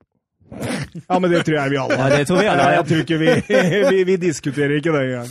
Eh, og så har jeg Ja, han var jo utvilsomt kampens egentlig store gigant. Han eh, rydda opp bak der og var Han var det han egentlig aldri har vært før denne sesongen. Han, var, tok, han tok igjen for alt. Eh, to poeng til Aubameyang. Eh, utvilsomt den mest mest faretruende på topp hos eh, Arsenal. Eh, nesten han som hadde alle avslutningene til Arsenal i den kampen. Setter to, det var vel å være godkjent. Eh, Ett poeng gir jeg til Martinez. Han er en eh, matchvinner. Ja, tre til Louis, to til Aubameyang, og så kunne jeg gitt til Martinez og kunne jeg gitt til Chaka, men jeg gir til Tierney. Den ene. Da er jeg helt enig med Søren. Jeg syns også Tierney var strålende i denne kampen. Eh, over til eh, Manchester United-Chelsea. Ja, Det blei jo også en interessant fotballkamp. Ja, det ble litt andre. Altså, Solskjær var jo ute før kampen og sutra og klaga over, eh, over terminlista. Chelsea hadde fått to dager mer i hvile enn det United har. Eh, man sier jo det at to dager hvile har noe å si. Tre-fire dager hvile har ikke noe å si. Så eh, hvis man skal følge det, så hadde Chelsea et lite overtak her, og Solskjær gjør forandringer. altså. Ja, så tenker jeg, det, det, det blei jo noe psykologisk spill før matchen her. og For Lampard var jo ute og meldte at det var gir Manchester United fordeler, og Solskjær for, forsvarte det med at uh, Fernandes skulle hatt én uh, straffe til mot Tottenham, og Tuller'n, tenkte jeg da. Tuller'n nå? Leser jeg riktig her? Sa han det? Altså, Han skulle hatt gult kort for filming, Fernandes der, men uh, Fant vel ingen andre situasjoner som var ja, altså, jo, han brukte Romeo-situasjonen. ja, og den er grei, men han nevnte ikke noe om uh, straffesparket Fernandes fikk mot Aston Villa, for eksempel, og sånn, da. Nei, nei, men der var ikke VAR inne. Nei, nei. Nei, det burde ha vært det, er det det du sier? Men eh, Solskjær, det han også gjør, det er at han eh, har jo hatt stor suksess med denne 4-2-3-1, men han legger jo plutselig om igjen til 3-4-1-2. Ja, han kjører inn tre midtstoppere. Jeg tror det har litt i sammenheng med at han rokerer en del på midtbanen og, og der framme. Han hviler Martial, så han mangler midtspiss. Tydeligvis at han ikke stoler helt på Igalo. Eh, I tillegg så hviler han Pogba. Og Greenwood, for så vidt. Nå har ikke Greenwood vært all verden de siste kampene, men, men eh, i hvert fall Martial og Pogba er jo et tap. Og det er klart at det er spillere som helt klart bør hviles. Jeg tror også han ville ønsket å hvilt Rashford, men eh, jeg tror han ser også at da blir laget altfor svakt. Og det, når han slår sammen det, så har han jo hatt suksess med den trebackslinja tidligere. Borte mot Chelsea, borte mot City. Har det fungert? Eh, Så jeg tror han ville prøve det. Ja, jeg tror også det, det er jo De har jo vunnet de to siste mot Chelsea. Mm. Og da har han jo kjørt denne 3-4-1-2. Mm. Men når United plutselig har sett solide ut, det er jo alle kampene stort sett vært 4-2-3-1. Ja. Så det er jo en sjanse å ta. Ja, men så får han jo hvilt Pogba, da. Han får hvilt uh, Martial, han får hvilt uh, Greenwood. Uh... Men så får de hvilt finaleuka òg, Mats. Hele, hele laget. Hva mener du finaleuka? United. Han får jo hvilt dem i finaleuka nå, da, Ja, ja, på ja, grunn av alt dette. Ja, da, tror du de hadde utgjort den forskjellen? Tror du United hadde vunnet med Pogba og Martial? ja, altså, jeg, Ja, kan- sjansen hadde vært der. Han fikk jo kritikk etter kampen Mm. for å, ikke, for å rotere så mye på laget. Men de har jo en viktig kamp i morgen. Det er mulig han målte litt der, at eh, FA-cupen kommer i andre rekka. Altså. For førsteomgangen, Chelsea har det meste av spillet. Altså, det, er en, det er en sånn der ah, spill-mot-spill-opplegg, altså, men Men her tror jeg United gikk i kampen og tenkte at det er greit, Chelsea skal få lov til å ha ballen mest. Den- Martial skulle han hatt straffe, eller? Ja, det som blei straffe? Nei, Nei, det som den, ikke ble eh, straffe på 0-0. ja, altså, jeg hørte jo Lars Tjernås var jo veldig på at han var den soleklar straffe. Jeg er ikke helt der. Uh, han kunne hatt straffe, uh, men uh, hvis, man ser på, hvis man ser på reprisen uh, Marcial beveger sitt bein i skuttbevegelsen til midtstopperen der. Eh, og jeg tenker at det, det, det er Altså han går jo inn i en aktiv skuttbevegelse og kaster seg inn i det, og da Altså, at den blir truffet da, det er jo ikke så rart. Den minner litt om den, uh, om den eh, Lazio fikk uh, mot Juventus. Det Uh, var det jeg skulle fram til nå. Er Ja. det ikke det? Den er jo Nei. helt lik. ikke helt, uh, fordi Bonucci er ikke en skuddbevegelse i det mobile brute. Det er, Det er der forskjellen det, ligger. jeg synes det er der forskjellen ligger. Jeg syns absolutt det kan godt gi straffe, men det er ikke helt på Tjener som mener at det er en soleklar 100 straffe. Kanskje 50-50, 60-40. Mm. Men like etter, da, så pirker Giro inn 1-0, og Lindeløfa. Vær så snill. Ja, du tenker på duellen med Giroud? Ja, hvordan han bare lar den gå inn foran. Ja, Ah, altså det er, jeg syns han sleit også den utligninga mot Southampton. Der ser du litt av det samme, egentlig. Eh, hvordan han taper den duellen. Det er litt sånn passivt, mm. hvis det går an å si det på den måten. Eh, og så er det jo ikke noe voldsomt bra keeperspill heller. Så det er liksom to dårlige involveringer på radar, og da blir du straffa. Altså. Men det hele skjer jo også når United er tilbake 4-2-3 igjen, da. Fordi nå er jo Bailly ute, og Martial er jo tilbake på sin vanlige plass, og da er vi jo tilbake i, eh, i vanlig formasjon, mer eller mindre. Absolutt. Eh, kanskje Brandon Williams får hvile òg, med tanke på den pasningen han hadde for 2-0. Ja. Eh, David Igea, hva ja, sier vi? På 2-0? Salo Ja. finger. Det er litt sånn som Messi når han hadde den mot Messi Mm. i Champions League. Eh, det er litt såpe på hanskene der, og for meg er det jo den en soleklar keepertabbe. Maguire, skjærmål 3-0. Han hadde en strålende fotballkamp, denne Harry Maguire. Ja, du syns det? Verdt 800 millioner, han, altså. Ja, du syns det? Jeg er ironisk, Mats. Han er ikke verdt 800 millioner. Jeg tror, du, tror du skal leite lenge etter noen som er enig med, eller uenig med deg på det, at han er verdt 800 millioner. Han har gjort United bedre, men den prisen, den eh, Altså, han er den beste ikke stopperen United har. Ja, det er det jo ingen tvil om. Eh, At han gjør noen rare ting innimellom, det, det gjør han jo, men det gjør jo van Dijk også. Det Så- er godt. nei, nei, nei, vi skal ikke ta den diskusjonen. Men Uh, den, det klippet du sendte der, ja, det ser, jeg, det, det ser fryktelig dumt ut. Først, først krangler han med, med, Ma Matic om ballen, og så skal han snu litt og vende litt, og så ender han opp med å slå bort ballen. Så det, det ser fryktelig klønete ut. Men eh, jeg syns jo ikke det Maguire skal ha all verdens skyld for at eh, United slipper inn tre mål der. Er det på tide å hente han Dean Henderson tilbake til, fra Sheffield United, eller? Ja, jeg, si? jeg, jeg syns det. Eh, hvis jeg hadde hatt valget som United om å satse på Henderson eller De Rea akkurat nå, hadde jeg faktisk valgt å satse på Henderson. Og så hadde jo en viss fare at hvis man nå ikke begynner å satse på eh, Henderson, så man fått blod på tanna ved å spille en bra Premier League-sesong for Sheffield United, da går han et annet sted. Jeg så at Chelsea var veldig på nå. Var rykta til ham. Eh, og altså, jeg ser ikke at Henderson er dårligere enn De Rea, og Henderson er sju år yngre, så jeg hadde satsa på Henderson hvis jeg var United.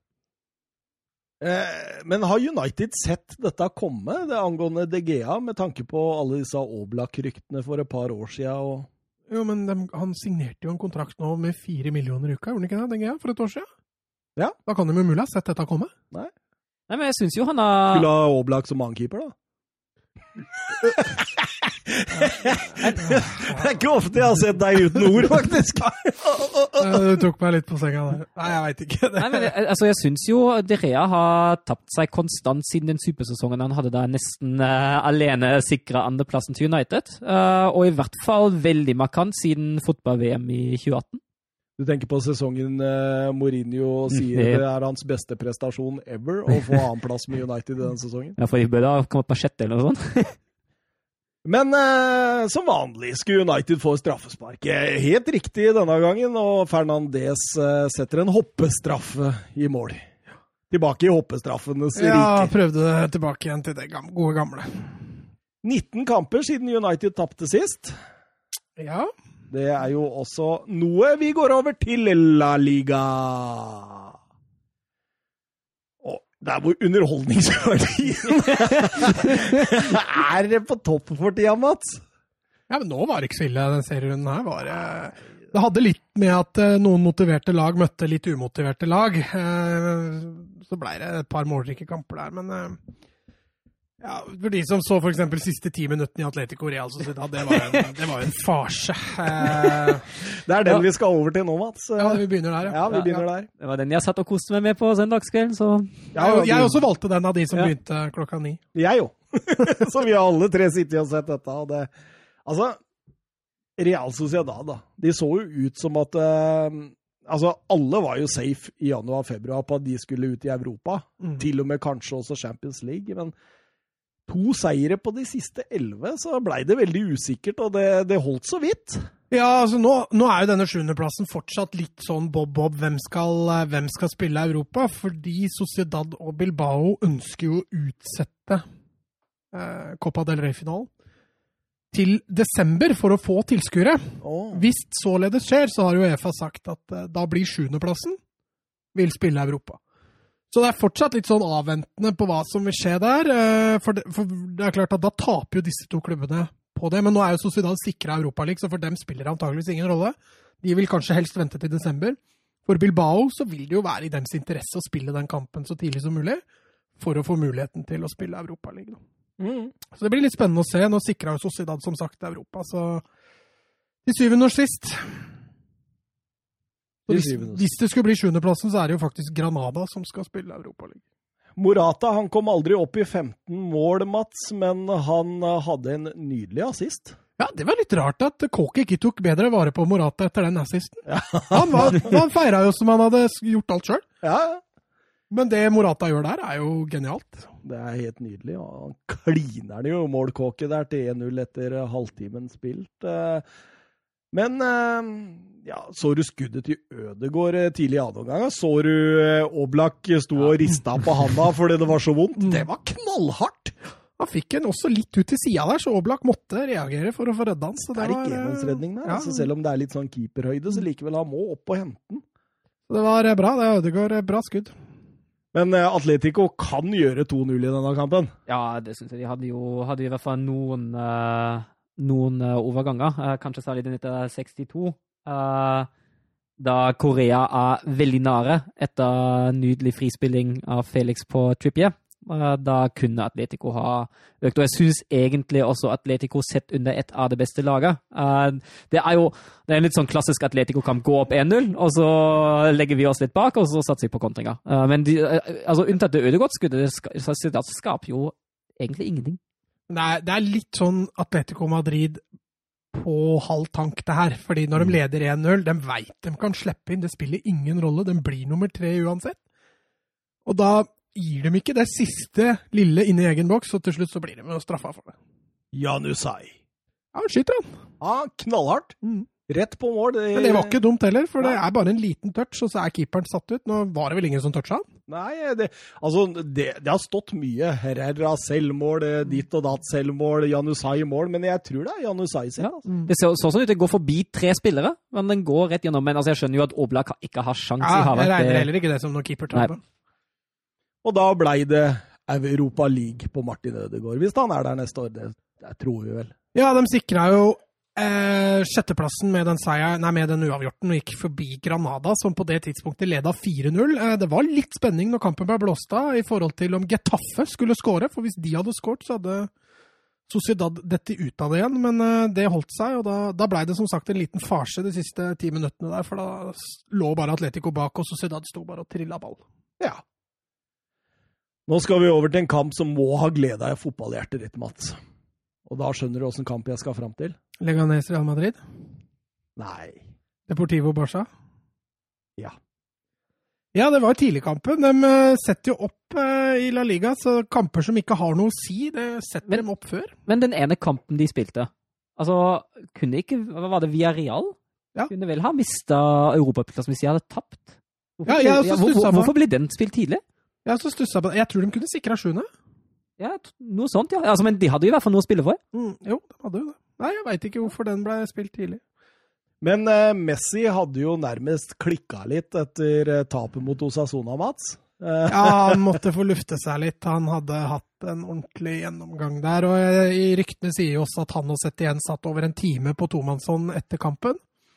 For å få lufta ut litt. Eh, kanskje det hjalp litt, for eh, han var på i den kampen her. Nå skal det sies at Deportivo var veldig av, altså. Det var et lag som hadde akkurat berga plassen. og hadde ingenting å spille for, mens Barcelona var nok litt revansjelysten etter midtukas flause. ja, jeg syns Barcelona var gode, ja. Så det var flyt i angrepsspillet, og det er 3-0-skåringa til Suárez. Det er jo et nydelig angrep.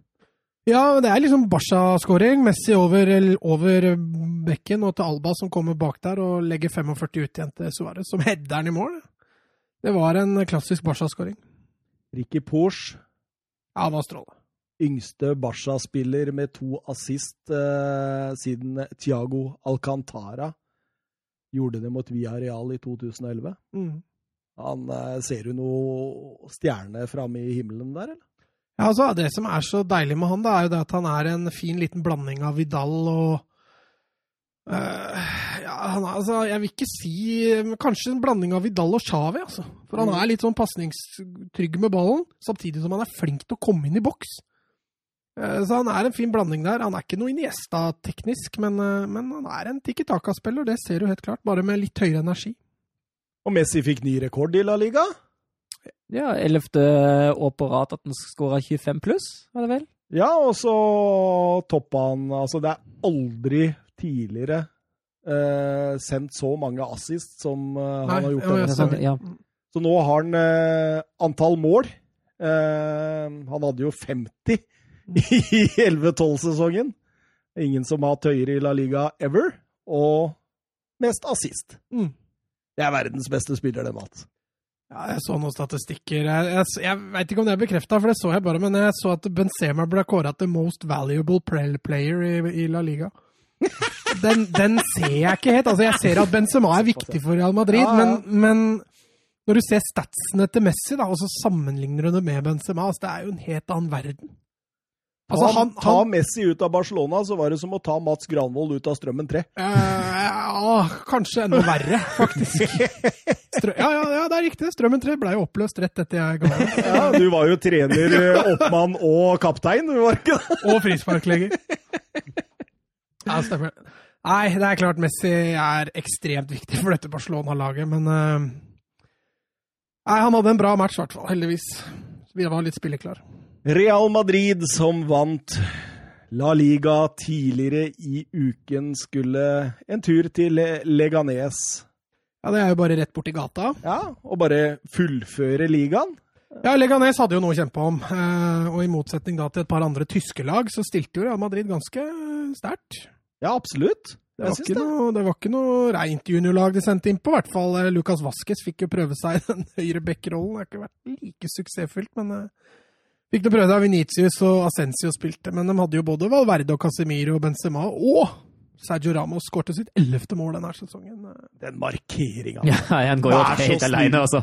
Men dette, det, altså, det, liksom, altså, dette kjennetegner Leganes. Det er, altså, jeg hørte andre hevde at det det er salget av Enesiri og, og Braithwaite som er mye av årsaken til det. Men det forsvarsspillet og det markeringsspillet Leganes har vist denne sesongen, det er årsaken til at de rykker ned. Eller ja, det hørte det noen nevnte VAR òg. Ja, det var er grunnen til at de rykker ned, ja. Ja, den straffesparket de ikke fikk eh, på 2-2 der. Ja. Eh, Hensen der, hva tenker dere om den? Ah, Det er sånn bob-bob. Ja, men se, se det i bildet av kontekst av andre hendelser Ut ifra ut ifra hvordan hens-regelen er i dag, eh, så tullete som en ei, og jeg ønsker ikke å si at det er straffespark, men jeg mener at det er straffespark. Ut ifra hvordan regelen er og håndteres nå, er det et straffespark. Jeg, det, jeg mener ikke at det nødvendigvis skal være et straffespark, men det er det. Ja, helt enig. Der sier du det. Det bør ikke være straffespark, men sånn han blir håndtert, så er det straffespark. Mm. Ja, jeg er enig med det. Jeg er enig med det. Ja, som sagt, Leganes trengte jo tre poeng for å overleve, eh, og hadde de fått det, så hadde de masse overlevd. Så det var eh, Ja, de var jo nære på slutten der. Eh, Real ja. skudde jo av etter 70. mm. Og der, Celta surra det jo også til. eh, og det er jo litt sånn, bare for å ta litt båndstrid der, Celta Viga altså, har vunnet sju kamper i løpet av hele sesongen og overlever La Liga. Det er jo egentlig helt utrolig. Celta Vigo, kanskje det beste laget i La Liga eh, som har, har gjort det dårligst, hvis du skjønner hva jeg mener? Mest underpresterende. Ah, ja, jeg tror kanskje jeg plasserer Betis i den, men kanskje Celta som nummer to. Ja, ja okay, Ja. Da er jeg enig med deg. At eh, Español, Mallorca, Leganes rykker ned til slutt, det er kanskje greit. ja, absolutt. Og når du ser markeringsspillet også nå på, på 2-1 der, så ja. Nei, Real Madrid surfa inn 2-2. VAR kunne kanskje ha hjulpet Leganes. Leganes burde kanskje ha hjulpet seg sjøl tidligere. De hadde, Eh, de men, men, men, men, men den startelveren de stilte med mot Real Madrid Vet du hvor mange La Liga-mål den elveren hadde til sammen? Nei, etter at de kvitta seg med Siri og, og Braithwaite, så har det gått trått. Altså. Ett mål. Ja, Oi, såpass, ett ja. mål. Så nå har de tre, da. Oscar Rodriguez satt jo på benken. Ja, stemmer. stemmer. Mm. Oscar Rodriguez har jo gått helt i huet på han etter at disse overgangsryktene Så han, han er ikke spillbar. Eh, Sevilla-Valencia, gutta. Trist kamp, egentlig. Oi, oi, oi. Eh, Uffa. Eh, altså, jeg føler jo, hvis vi ser på Parejo før 1-0 altså det, det oppsummerer Valencias sesong. Først, først, taper han, først taper han duellen sin, og så av motspilleren i duellen så faller, eller, så faller medspilleren hans, og så står Parejo én meter unna motspilleren, som står rett foran mål, og så istedenfor å gå i duellen, løfter han hånda og blir hengende bak. Det, det er helt uakseptabelt i deg. Det er helt sykt. Men det gikk jo også noen rykter nå etter midtukekampen at Parejo, Contongbia og Coquelin har fått beskjed fra sine agenter at de ikke er ønska videre i Valencia, og det fikk de rett før kampen i midtuka. Ja. ja. nå er ikke de bekrefta, det var bare noe jeg leste på Twitter, tror jeg. Eh, og hvis det i så fall er tilfellet, da skjønner jeg at gutta gir litt F, altså. Uh, for det er uh... Nei, det blir en, en europasesong neste år uten et lag fra Valencia. Jeg, jeg, altså, så ekstremt blodfattig Valencia var i denne kampen. Altså, Sevilla hadde full kontroll, Mm. og de spilte ikke noe god kamp. Eller? Nei, og Sevilla hadde jo egentlig ingenting å spille om annet enn heder og ære, og en, mm, kanskje en tredjeplass, hvis Atletico surra det til. Så Sevilla spilte jo Ja, de, hadde, de spilte akkurat på det de måtte, og det var ikke så fryktelig mye, for Valencia var døde, altså. Region, for et Ja, mål. for et Ja, mål, ja. Det kan To streker. Mm. noe er gærent i, i Valencia. Både, altså nå Ja, den klubben der surrer til så fælt for seg sjøl. Og vi har snakka om det nå vel i tre podcaster på rad, og det er fryktelig trist. Hadde de ikke hatt den relativt gode perioden der på slutten av 2019, Mm. Så kunne dette ha gått mye lenger ned enn Ja. den niendeplassen de endte opp på. Altså. Og nå har de også vært igjennom tre trenere i løpet av denne sesongen, og nå Tatt en Watford. Ja, de har tatt en liten Watford. eh, Ja, de, ligger, de redda jo plassen, da, men ja. Ja, eh, forresten, det er ikke sikkert Watford gjør, for sist jeg så stillinga mellom Aston Villa og Arsenal, så leda Aston Villa 1-0. Nå har det gått snart timen, og det er fortsatt 1-0. Oi, oi, oi, oi, oi, det blir spennende. Presse G, ass. Ja, ja. Han begynte å skåre, han. Han er fin, han. Han, eh, han eh, er faktisk en brukbar fotballspiller. Eh, godt tempo. Vi går over til Serie A. Vi går over til Hellas Verona mot Atalanta. Ja, og da, da syns jeg Verona gjør en formidabel jobb mot Atalanta. De klarer jo å demme opp for en del, selv om Atalanta klart av det førende laget tar det god tid før de får sin første sjanse. Og det er ikke mye de skaper i første omgang, nei. Nei, den første omgangen er døll, altså. All ære til Hellas Verona som eh, som ødelegger for Atalanta og gjør det der til en kjip fredagskveld. Men annen omgang den starta jo med komikveld. Når, når godeste Koray Ginter, tidligere Dortmund-akademi, Søren, Ja. eh, Bakka tråkker spådde en ganske lys fremtid, da. Jo, det gikk jo ikke ut så bra. Ja, nei, det ser du der, for å si det sånn. Han serverer jo Zapata. Han løper jo fra banen. Den er komisk, rett og slett. Ja, eh, og så har jo Zapata trykk én mot én. Men det var det beste som kunne skje kampen, fordi plutselig bølger det fram og tilbake, og begge lag skaper sjanser. Det, det blir faktisk ganske gøy i andre omgang. Ja, det resulterer jo i at eh, Atalanta-spiller eh, Matteo Pessina setter sitt sjuende for sesongen, og 1-1. Mm. Ja, og og da sier jeg ikke feil, for han er på utlån. Fra, Hela, fra Atalanta til Hellas Verona, så det var jo Å få han sine egne. Ja, ja, der. Du skylder meg en cola?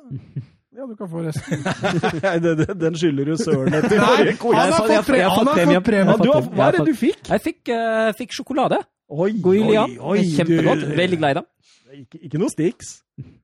Nei, ja, altså For å være helt ærlig, så fikk jeg den jeg drev og rydda i dag. Så jeg tenkte jeg den sjokoladen er ikke jeg noe glad i. Nei, Jeg digger den, så det helt jeg meg. søren ikke. Åssen sjokolade var det? Kan vise det. Ja, det Kommer en sånn Milchen-sprengchen fra Tyskland. Oi, oi, oi, det, det er jo det, det, Den er skikkelig god. Jeg veit ikke hva det er engang. Milchensbransjen, det Det det Deutsche Milchen-bransjen. er det melkespreng. Sjokoladen melkes den, den hadde blitt en hit. Oi, oi. Milchensbransjen. Ivan Djuric sin assistent eh, Matteo Paro eh, sa han var ekstremt stolt etter å ha holdt Atalanta til uavgjort. Eh, fortalte videre at de har lært ekstremt mye av Gasperini. Hellas Verona er litt sett på som en sånn mini-Atalanta. Mange likheter i spillestilen, eh, så å si samme formasjon, gode til å hente spillere inn i et system, og de gjør jo faktisk en god sesong, Hellas Verona. Eh, Veldig, veldig artig. Eh, Videre til Milan mot Bologna. Da presterer Milan sterkt. Det, Strålende. ja, det er Årsbeste, eller? Ja, Ja. det tror jeg I hvert fall si. offensivt. Ja, nydelig. Helt fantastisk eh, at, det, at eh, Bologna har en lifeline inn til pause der. Det er jo nesten eh, Det er nesten Arsenal City og verdig. Ja, den skåringa, Ja. Ja, at den var fin, mener du? Thomas. Han, han japaner ja, først, første Er det det? Ja, Prøv- Prøv, prøv på navnet en gang til. Tomiyasu. Tomiyasu? Ja. Takk til Hiro Tomiyasu. Deilig. Nei, nydelig skåring. Uh, Limen gjorde rett i krysset, jo ja, perfekt. Men uh, dette har jo Milan Altså, de har jo volds, vært voldsomt gode etter eh, koronapausen, men også i forkant av den. Eh, Pioli gjør en strålende jobb, og Ja, nå kom det jo melding Mens vi har sittet her på studio, kom det melding fra Kikke i Tyskland eh, at Ragnhild ikke skal til AC Milan likevel, fordi Oi, de forlenger kontrakten med Pioli. Og de er godt informerte, altså, så da tror jeg på det. Det er fortjent. Gøy for Pioli. Men jeg er litt usikker på om du har rett på Jep. AC Milan, men det er fortjent. Ja, altså Den jobben han har gjort i år, så er det ingen tvil. Spørsmålet er om han kan bygge dette videre, for nå yep. må han jo ta et nytt steg. Og det, det skal bli spennende å se om han får til. 25 mål er de skåra etter koronapausen. nå. Ja, og så ligger de jo på sjuendeplass. De har jo åtte poeng ned til Sassolo, og det betyr at akkurat nå så spiller jo Milan eh, Europa neste år. Kalenderåret 2020 så er det kun Erling Braut Haaland og Robert Lewandowski som har flere mål i topp fem-ligaene. Litt vanskelig i Frankrike. Enn eh, Ante Rebic. Ikke Ronaldo heller. Nei, ikke flere mål. Såpass. Eh, Det kan godt hende jeg leste denne statsen før Juventus-kampen, at han har kanskje rusla forbi. For han har jo vært Han har i skåret jevnt og trutt med han eh, Ronaldo nå. Han har det, altså. Men eh, så dere når Zlatan ble tatt, da? Nei. Han var rasende. Han, eh, Ifølge kilder i Italia så hadde han stått og ropt mot Pioli at du kan se til H og bytte ut noen andre. Gestikulerte og demonstrerte jo foran kameraene òg, så var åpenbart eh, forbanna. Det spekuleres jo i framtiden, og han har jo også krangla med mm, direktør eh, Gazidis eh, på treningsfeltet, høylytt, da han mente at eh, Gazidis kommer bare når det er dårlige nyheter, og var skikkelig forbanna at han ville bli trukket i lønn etter eh, korona, som om han ikke har nok.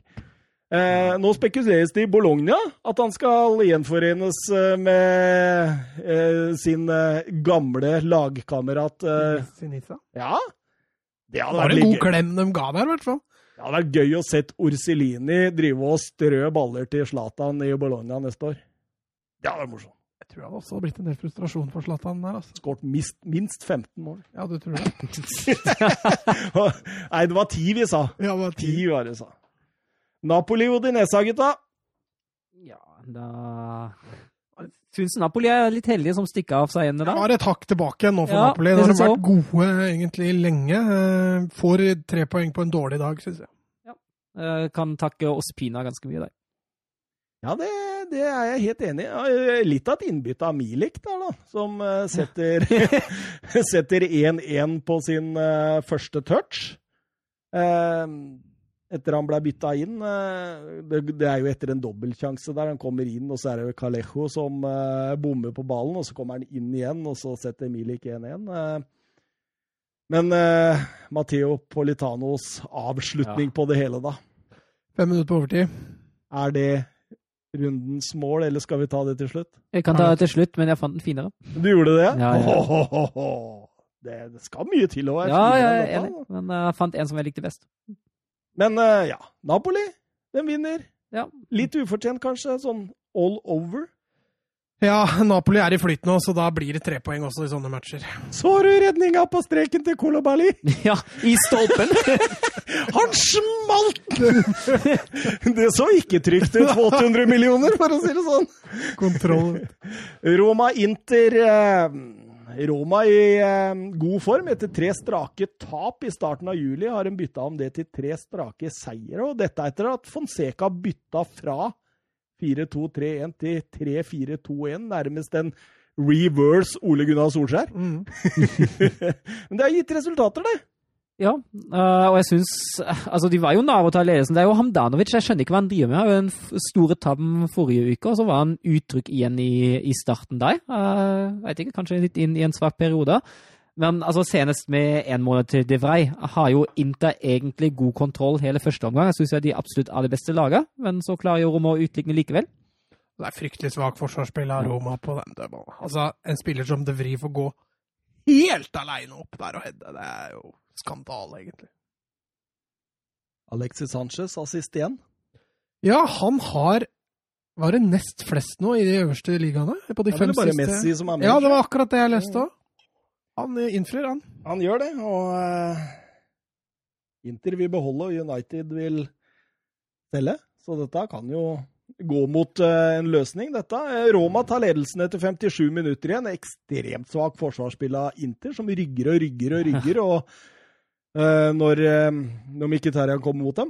Mm, hadde det ikke vært for at han skøyt, så hadde de fortsatt rygga, er det det du mener? Ja, det, det, det tror jeg. Da. Men han prøver å spille 1-2 med Tsjeko der, og, og det ender jo opp i Bastoni som klarerer han i De Frey og tilbake igjen til er jo- Mkhitaryan har vært god i Roma, han. Ja, mye av disse Premier League rejectsa får det til der. Ja, det går litt seinere, så det er nok sikkert mye derfor. Det er jo Ashley Cole er jo god. Smalling, Smalling, ja. Alexis Sanchez. Hørte du United ville ha 140 millioner norske kroner? Altså, de sa ikke norske kroner, men eh, United wants 140 million Norwegian crowns! ja, det er Solskjær. I want it in, uh, in crowns. Det er helt nydelig! Sky Sport, vet du, melder. Men um, etter, etter 2-1 så syns jeg Inter strever. Ja, jeg syns Roma har jo full kontroll bakover. De legger seg trygt og solid og stabile. eh, og sikter jo på kanskje avgjøre det her på en kontring. Den kommer jo aldri. Men så kløner de jo litt til mot slutten, der. Bak, Du tenker på Spinazzola? Ja, herregud. Altså, Milan gjenvinner jo to-tre ganger. Så skjønner jeg ikke hva han driver med mot slutten der, altså. Nei, den er fæl, altså. Ja. Fordi altså, der får han ballen på stamfoten sin, så ballen går ut, og så skal han skyte, men treffer kun, eh, kun eh, Hvem er det som blir felt der? Er Er det det Moses? Moses, ja. Victor Moses. Apropos Apropos Premier League rejects. Lukaku 2-2. 21. seriemålet hans i år. Det må jo si å være en god debutsesong. Absolutt. Og dermed så, ja Nå tilspisser det seg om disse Europa League-plassene. Roma, Napoli og, og Milan. Ja, det blir jo de tre, da. Så spørsmålet er hvem som tar den sjuendeplassen og skal være med Wolfsburg på reise gjennom Europa i sommer. Ja, men eh, kval kvalifiseringsrunden er faktisk forkorta. Man har bare én kamp per kvalikrunde istedenfor to denne sesongen. Så det er jo best, best timer Kan det fortsatt hende dere får bortekamper, da? Ja, det kan fortsatt hende vi ryker på en sånn en nå, vet du. Det, Det syns jeg ser En- søren i Aserbajdsjan. Med som- maske. altså, altså er jo problemet hvis man bare har én kamp, er det jo også større tilfeldigheter som spiller inn istedenfor når man har to. Så, ja. Søren kjefter på de andre tilskuerne når de gjør feil og sånn. Nei, Ta på deg maska! Gjør så. Eh, Så du Alex Ferguson? Han satt med maska under nesa. Det, det fikk en eh, kritikk for. Ja, altså. Ja. Nesa hans er jo litt av et grev òg, da. Så, uh, Juventus Lazio. Uh, kosa meg med den i går, jeg. Ja. Uh, ja, det, man, man kan jo Men kunne jo med godviljen, i hvert fall, eh, si at det hadde blitt spenning om Lazio hadde tatt dette. Ja. Eh, med godviljen, men Lazio er eh, uten seier på alle fire i juli, og Juventus Nå er det likt på toppskårerlisteren. Ja, helt likt! Mm. Og eh, etter at Immobile skårte på straffe på slutten, og Ronaldo hadde to i denne kampen, så ligger begge disse med 30 mål. Og det eh, Det blir tøft tror jeg aldri har skjedd i, i Serie A før, at det er to spillere som har 30 pluss. Men eh, re rekorden til Higuain, det er 36? Ja, men da var han aleine. Jo, jo, men det er fire kamper igjen. Ja, du tror han kan ryke for Ronaldo nå? Nei, jeg tror Ronaldo fort kan ta han. Ja, ja. At da, ja, det var det jeg mente. Ja, ok. Jeg sa det motsatte, men jeg mente det motsatte. Nei, jeg tror hvis Ronaldo fortsetter det, er klart det er mye enkle mål han får da. Altså, straffespark har han jo skåret nå på nesten i hver kamp de siste fem kampene. Og Altså tap in på det for han får fra Dybala. Altså bør han jo kanskje ha skåret flere enn to i den kampen òg. Ja, han hadde muligheter til òg, ja. men det tyder jo på at han er sulten. Han har lyst på mål. Han er alltid der hvor han har muligheten til å få skåre. Og, og et Juventus-lag Hvis de bare får litt flyt til nå, Juventus, så kan det hende Ronaldo i hvert fall kommer av mål med Higuain når vi er ferdig. Første spiller som har eh, 50 pluss i både La Liga, Premier League og Seriano. Mm. Det, Det er sikkert bare et mål for Ronaldo. Han ligger er fem- hjemme og fem. napper eh, du, du, du, du, du, vi, vi er, Napper håra! Nei, det har han jo ikke, for han har jo grodd litt sånn krøller nå. så. Ja. 51 mål på 61 kamper for, Ju- øh, for Juventus. Ja, det er sterkt, det. Det er også en ny rekord. Første spilleren eller, som bruker kortest tid på å nå 50 skåringer i, i Serie A.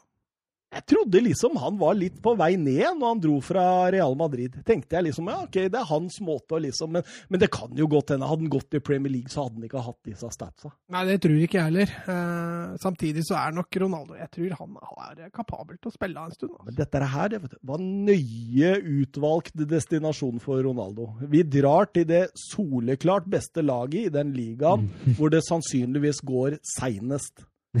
Da kan jeg dra en del eh, Da burde han jo dratt til Bodø og Glimt, da. Eh, Immobile er kun den femte med italiensk pass som har 30 mål i Serie A? Tenk det. I, Ja. Del Piero, Totti, uh, Inzaghi uh, Var det ikke en som het Baresi som på 50-tallet som gjorde det for, for Juventus eller noe sånt? Hør nå. De fire andre. Giuseppe Messa. Mm. Giuseppe Miazza.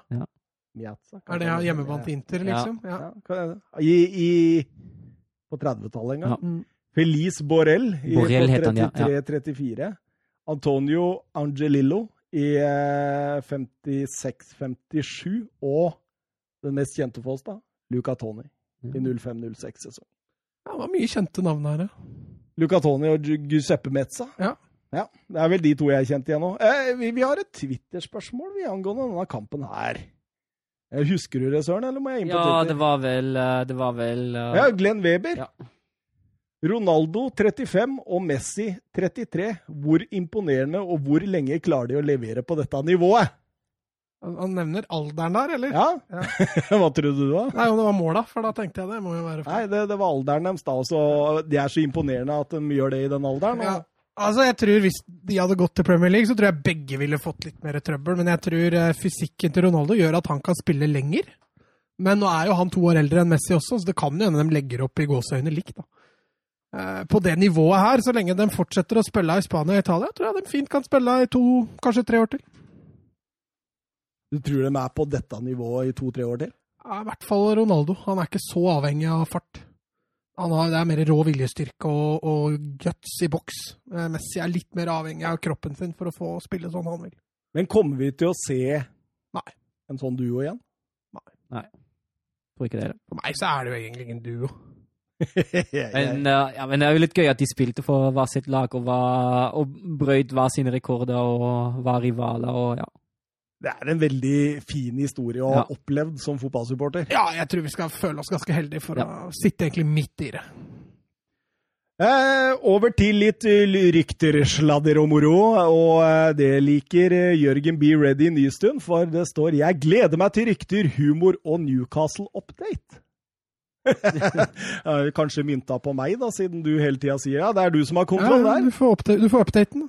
Ja, Jørgen Be Ready Nystuen. eh, Graham Sunes har uttalt seg og sier at det hele ser veldig positivt ut. Eh, eh, gamle Newcastle-angriperen, jeg vil ikke kalle den legenden, eh, Michael Shopra, han eh, sier at eh, Amanda, Er ikke det en legende, eller? Amanda Stavely også er veldig positiv, og at dette går igjennom, sier han i forhold til kildene han har i klubben. Eh, Men så har jeg lest andre ting også. Normalt så tar et sånt oppkjøp eh, tre til fire uker. Nå har det gått fire måneder. Eh, Det står litt på dette med pirat-TV-greiene og litt sånn moraletiske prinsipper eh, som gjør at de ikke slipper helt igjennom. Og i dag så leste jeg en artikkel, og det går noen rykter om at de begynner å bli litt lei. Hvem er de? Amanda, Amanda Stavely og dette oh, ja.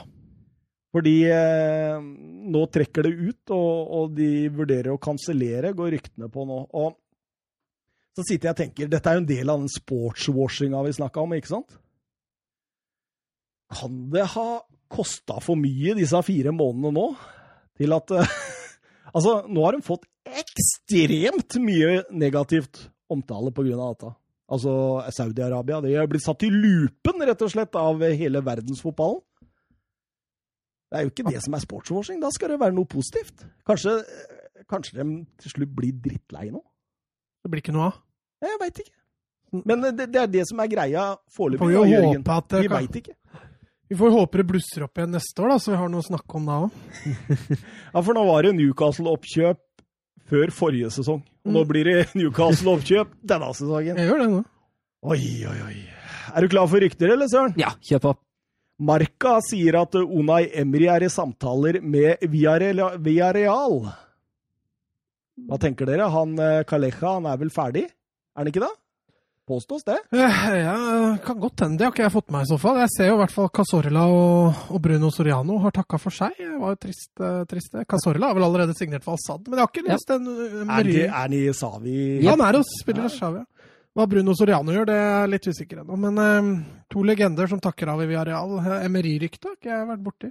Nei, det kom nå i dag at han er i samtaler. Mm. Det er Marka som Jeg tror jeg ikke det er en men- dårlig match, i hvert fall. han har Jeg gjort tror det hadde vært veldig bra for Villarreal. Han har gjort det bra i Sevilla før. Ja, og Valencia. Ja.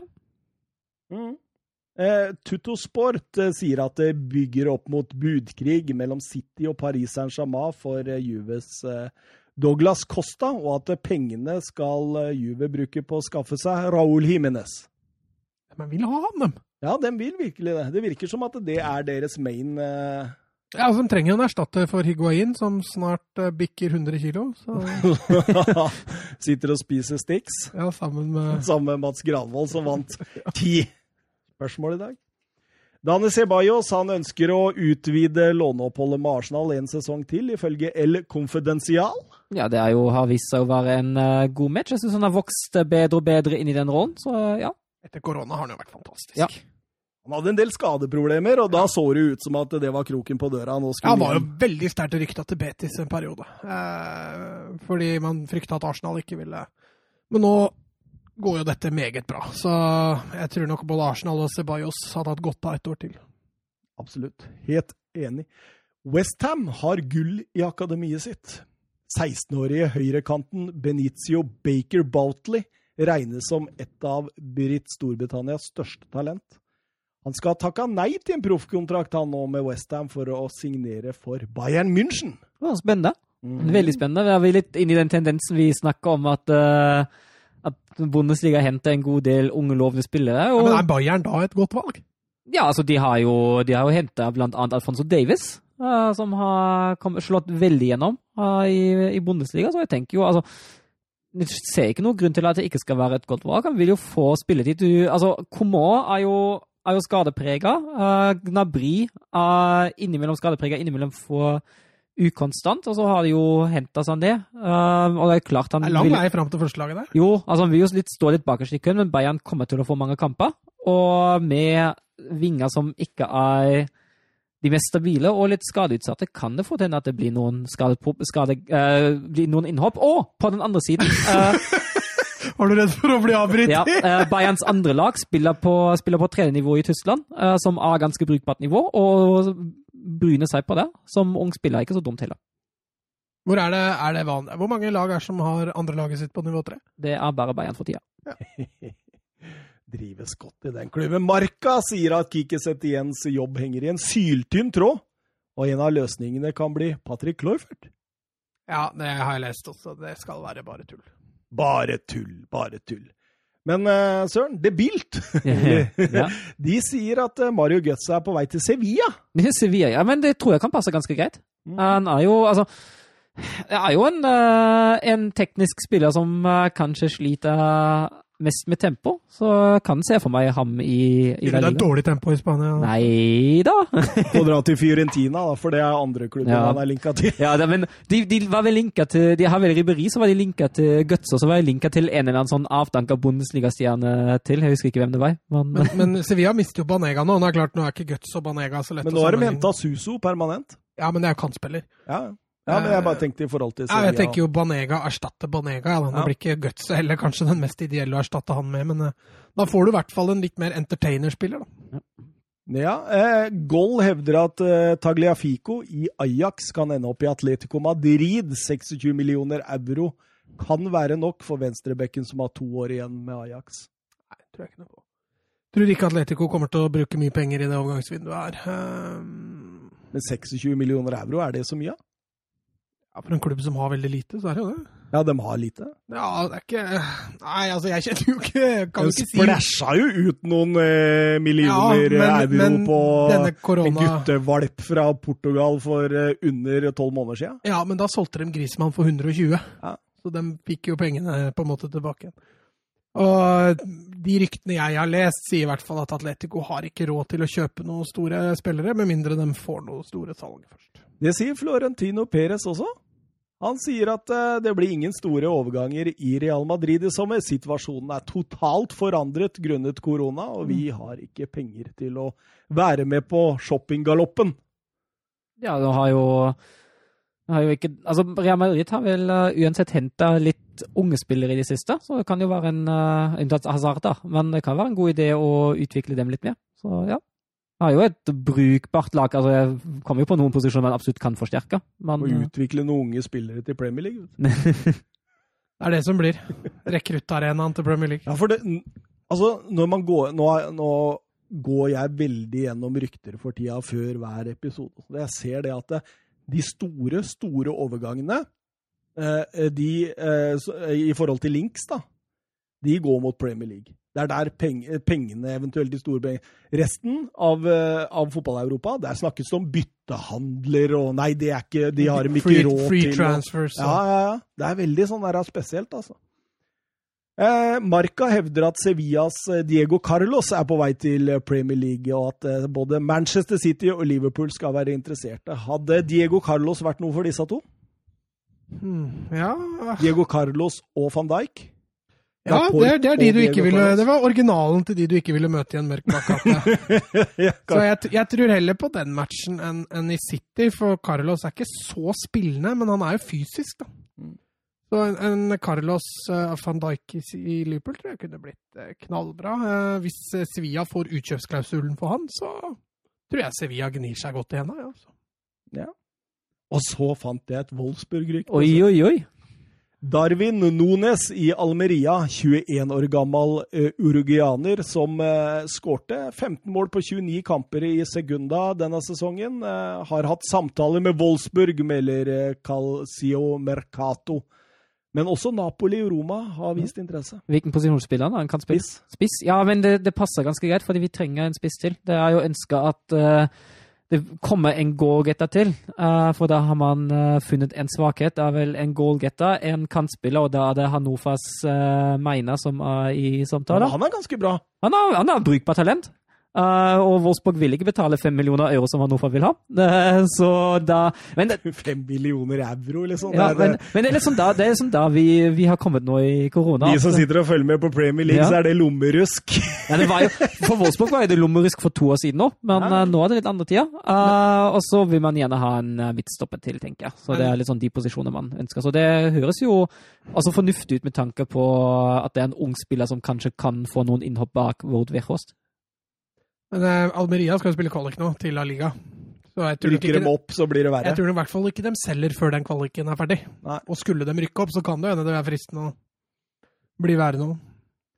Southampton skal, ifølge rapporter både i Spania og England, være enig om pris med Real Valladolid om en overgang for Mohammed Salisu.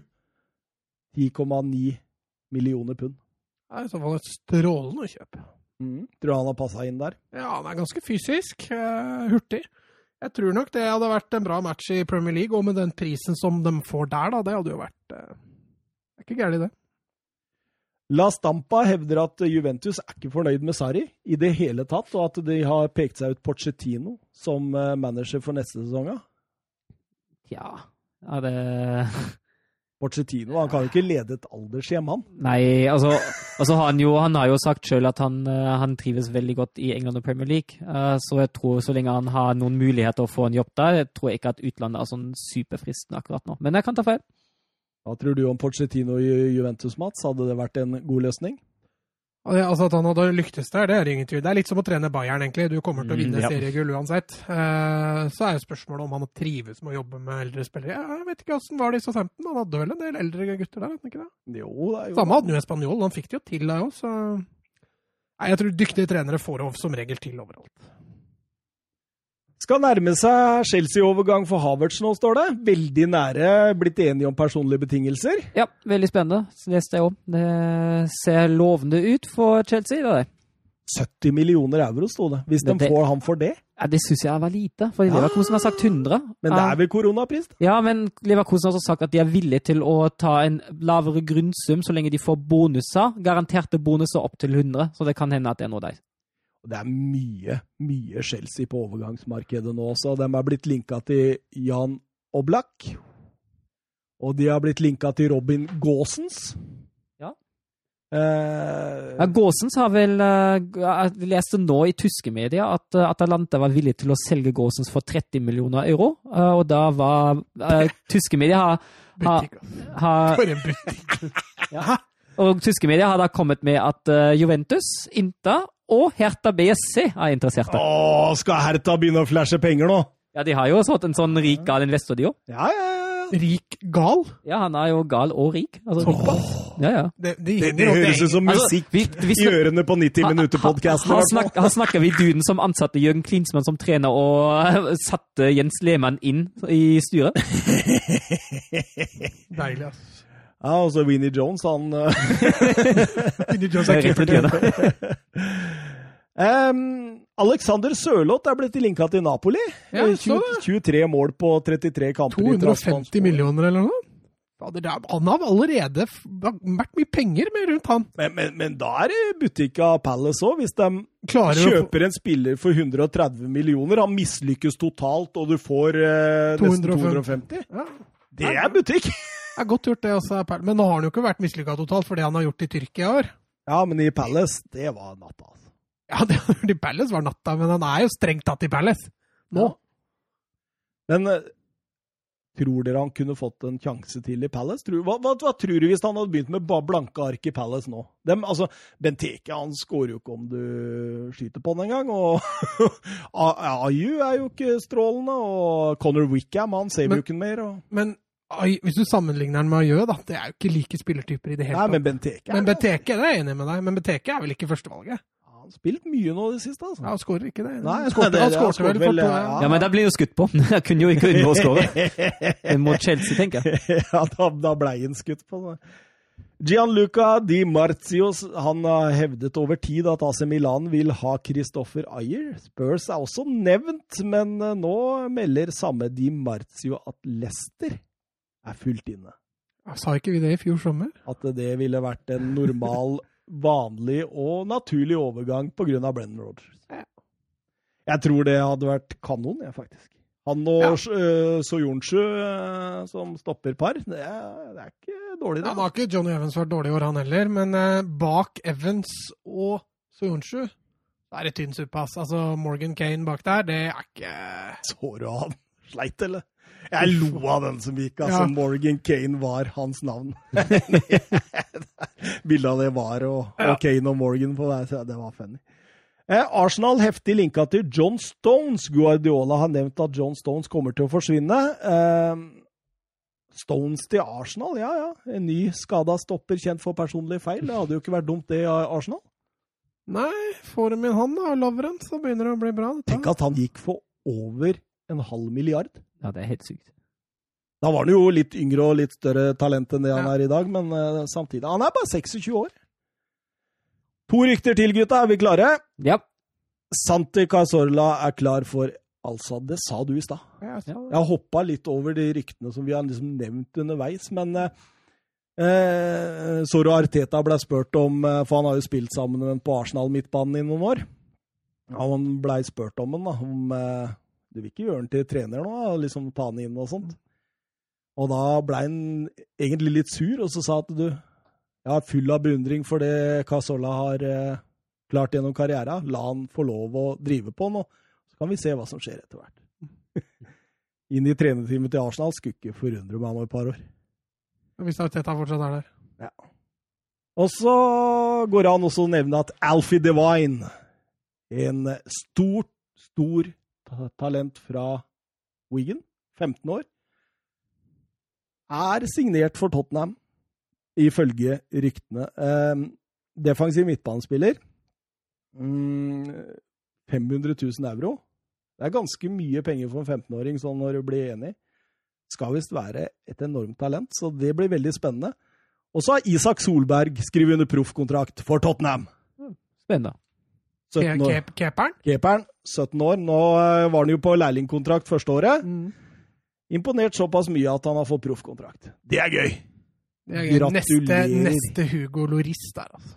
Ja, altså så, sånn Jeg så dem drev og, og regna og spekulerte på dette, disse Tottenham-supporterne, i hvert fall de norske, da. Og der så jeg dem tenkte at vet du hva, han er faktisk vår fjerdekeeper. Krysser fingra på et par skader på keeperplassen. Sånn at vi har en 17-åring fra Norge i mål på Mourinho. Men det er kult, og vi gratulerer Isak Solberg med proffkontrakt. Det var vel eh, keepertreneren hans som hørte på oss, tror jeg. Husker du det? Mm, fra Bryne. Det er gøy. Under to timer, gutta! Bra. Ja, eh, Søren, du har ti minutter til toget du skulle Ja, det rekker jeg. Det er fint, det. Null stress. Ja, det, Men du, du veit det er en del rødlys på Det jeg i! jeg tror ikke det er det eneste, da, men eh, Hvis- Hvis Søren ikke kan stå på perrongen og vente på toget, og han kan ikke løpe inn på det, da står, da står han på perrongen sånn rett i, og venter på neste. Nei, det, Søren, det er fint. Takk for at du kom. ja, takk for at jeg Takk fikk for at du kom, Mats. Ja, takk for at du kom, Thomas. Da ses vi igjen neste tirsdag. Da er det avslutningen av Premier League. Og eh, en siste greie nå. Du, Villa vant. Gratulerer. Ja, nei, det er overtid. Jo, det er to minutter på overtid. De leder 2-1-0. Og da er de faktisk på trygg plass før siste. Åh, det er spennende. Det er gøy. Men eh, Oi. skal vi ha rundens mål, eller? Ja, det Ja. kan vi gjøre på slutten her nå. Oi, nå har jeg glemt. Eh, ja, det er du, du kan få begynne, da. Ja, jeg kan få begynne. Ja, For du har glemt. Da får du velge fra øverste hylle. da. Oi, oi, oi. Jeg var sikker på at du kom til å klinke til ja, med den ene skåringen Bologna fikk, men Ja. Det kan jeg faktisk gjøre. Ja, den vil jeg ha. Det kan jeg faktisk gjøre. ja, jeg var også den jeg tenkte på. Men, nei, men jeg kan godt ta Bomeyang, jeg, på Arsenal. Ja, det- Lag, nei, mer lag, La- lag lagspillet. eh, Ikke selve målet. Altså, fin avslutning og fin Her skåring. er det andre gang på rad du har valgt en Arsenal-spiller nå. Nei, han hadde Lacassette. Nei, det var du som hadde Lacassette. Det Han vant, han. Han vant. Ja. Ja. ja, da må jeg jo gå for Politano, ja. Jeg ville egentlig ha Bologna, òg, men eh, da går jeg for Politano, ja. Da legger vi ut en Twitter om det i morgen. Gøy! Mm. Artig. Neste tirsdag, da ses vi. Det gjør vi. Ha det bra, alle sammen! Adjø. Ha det.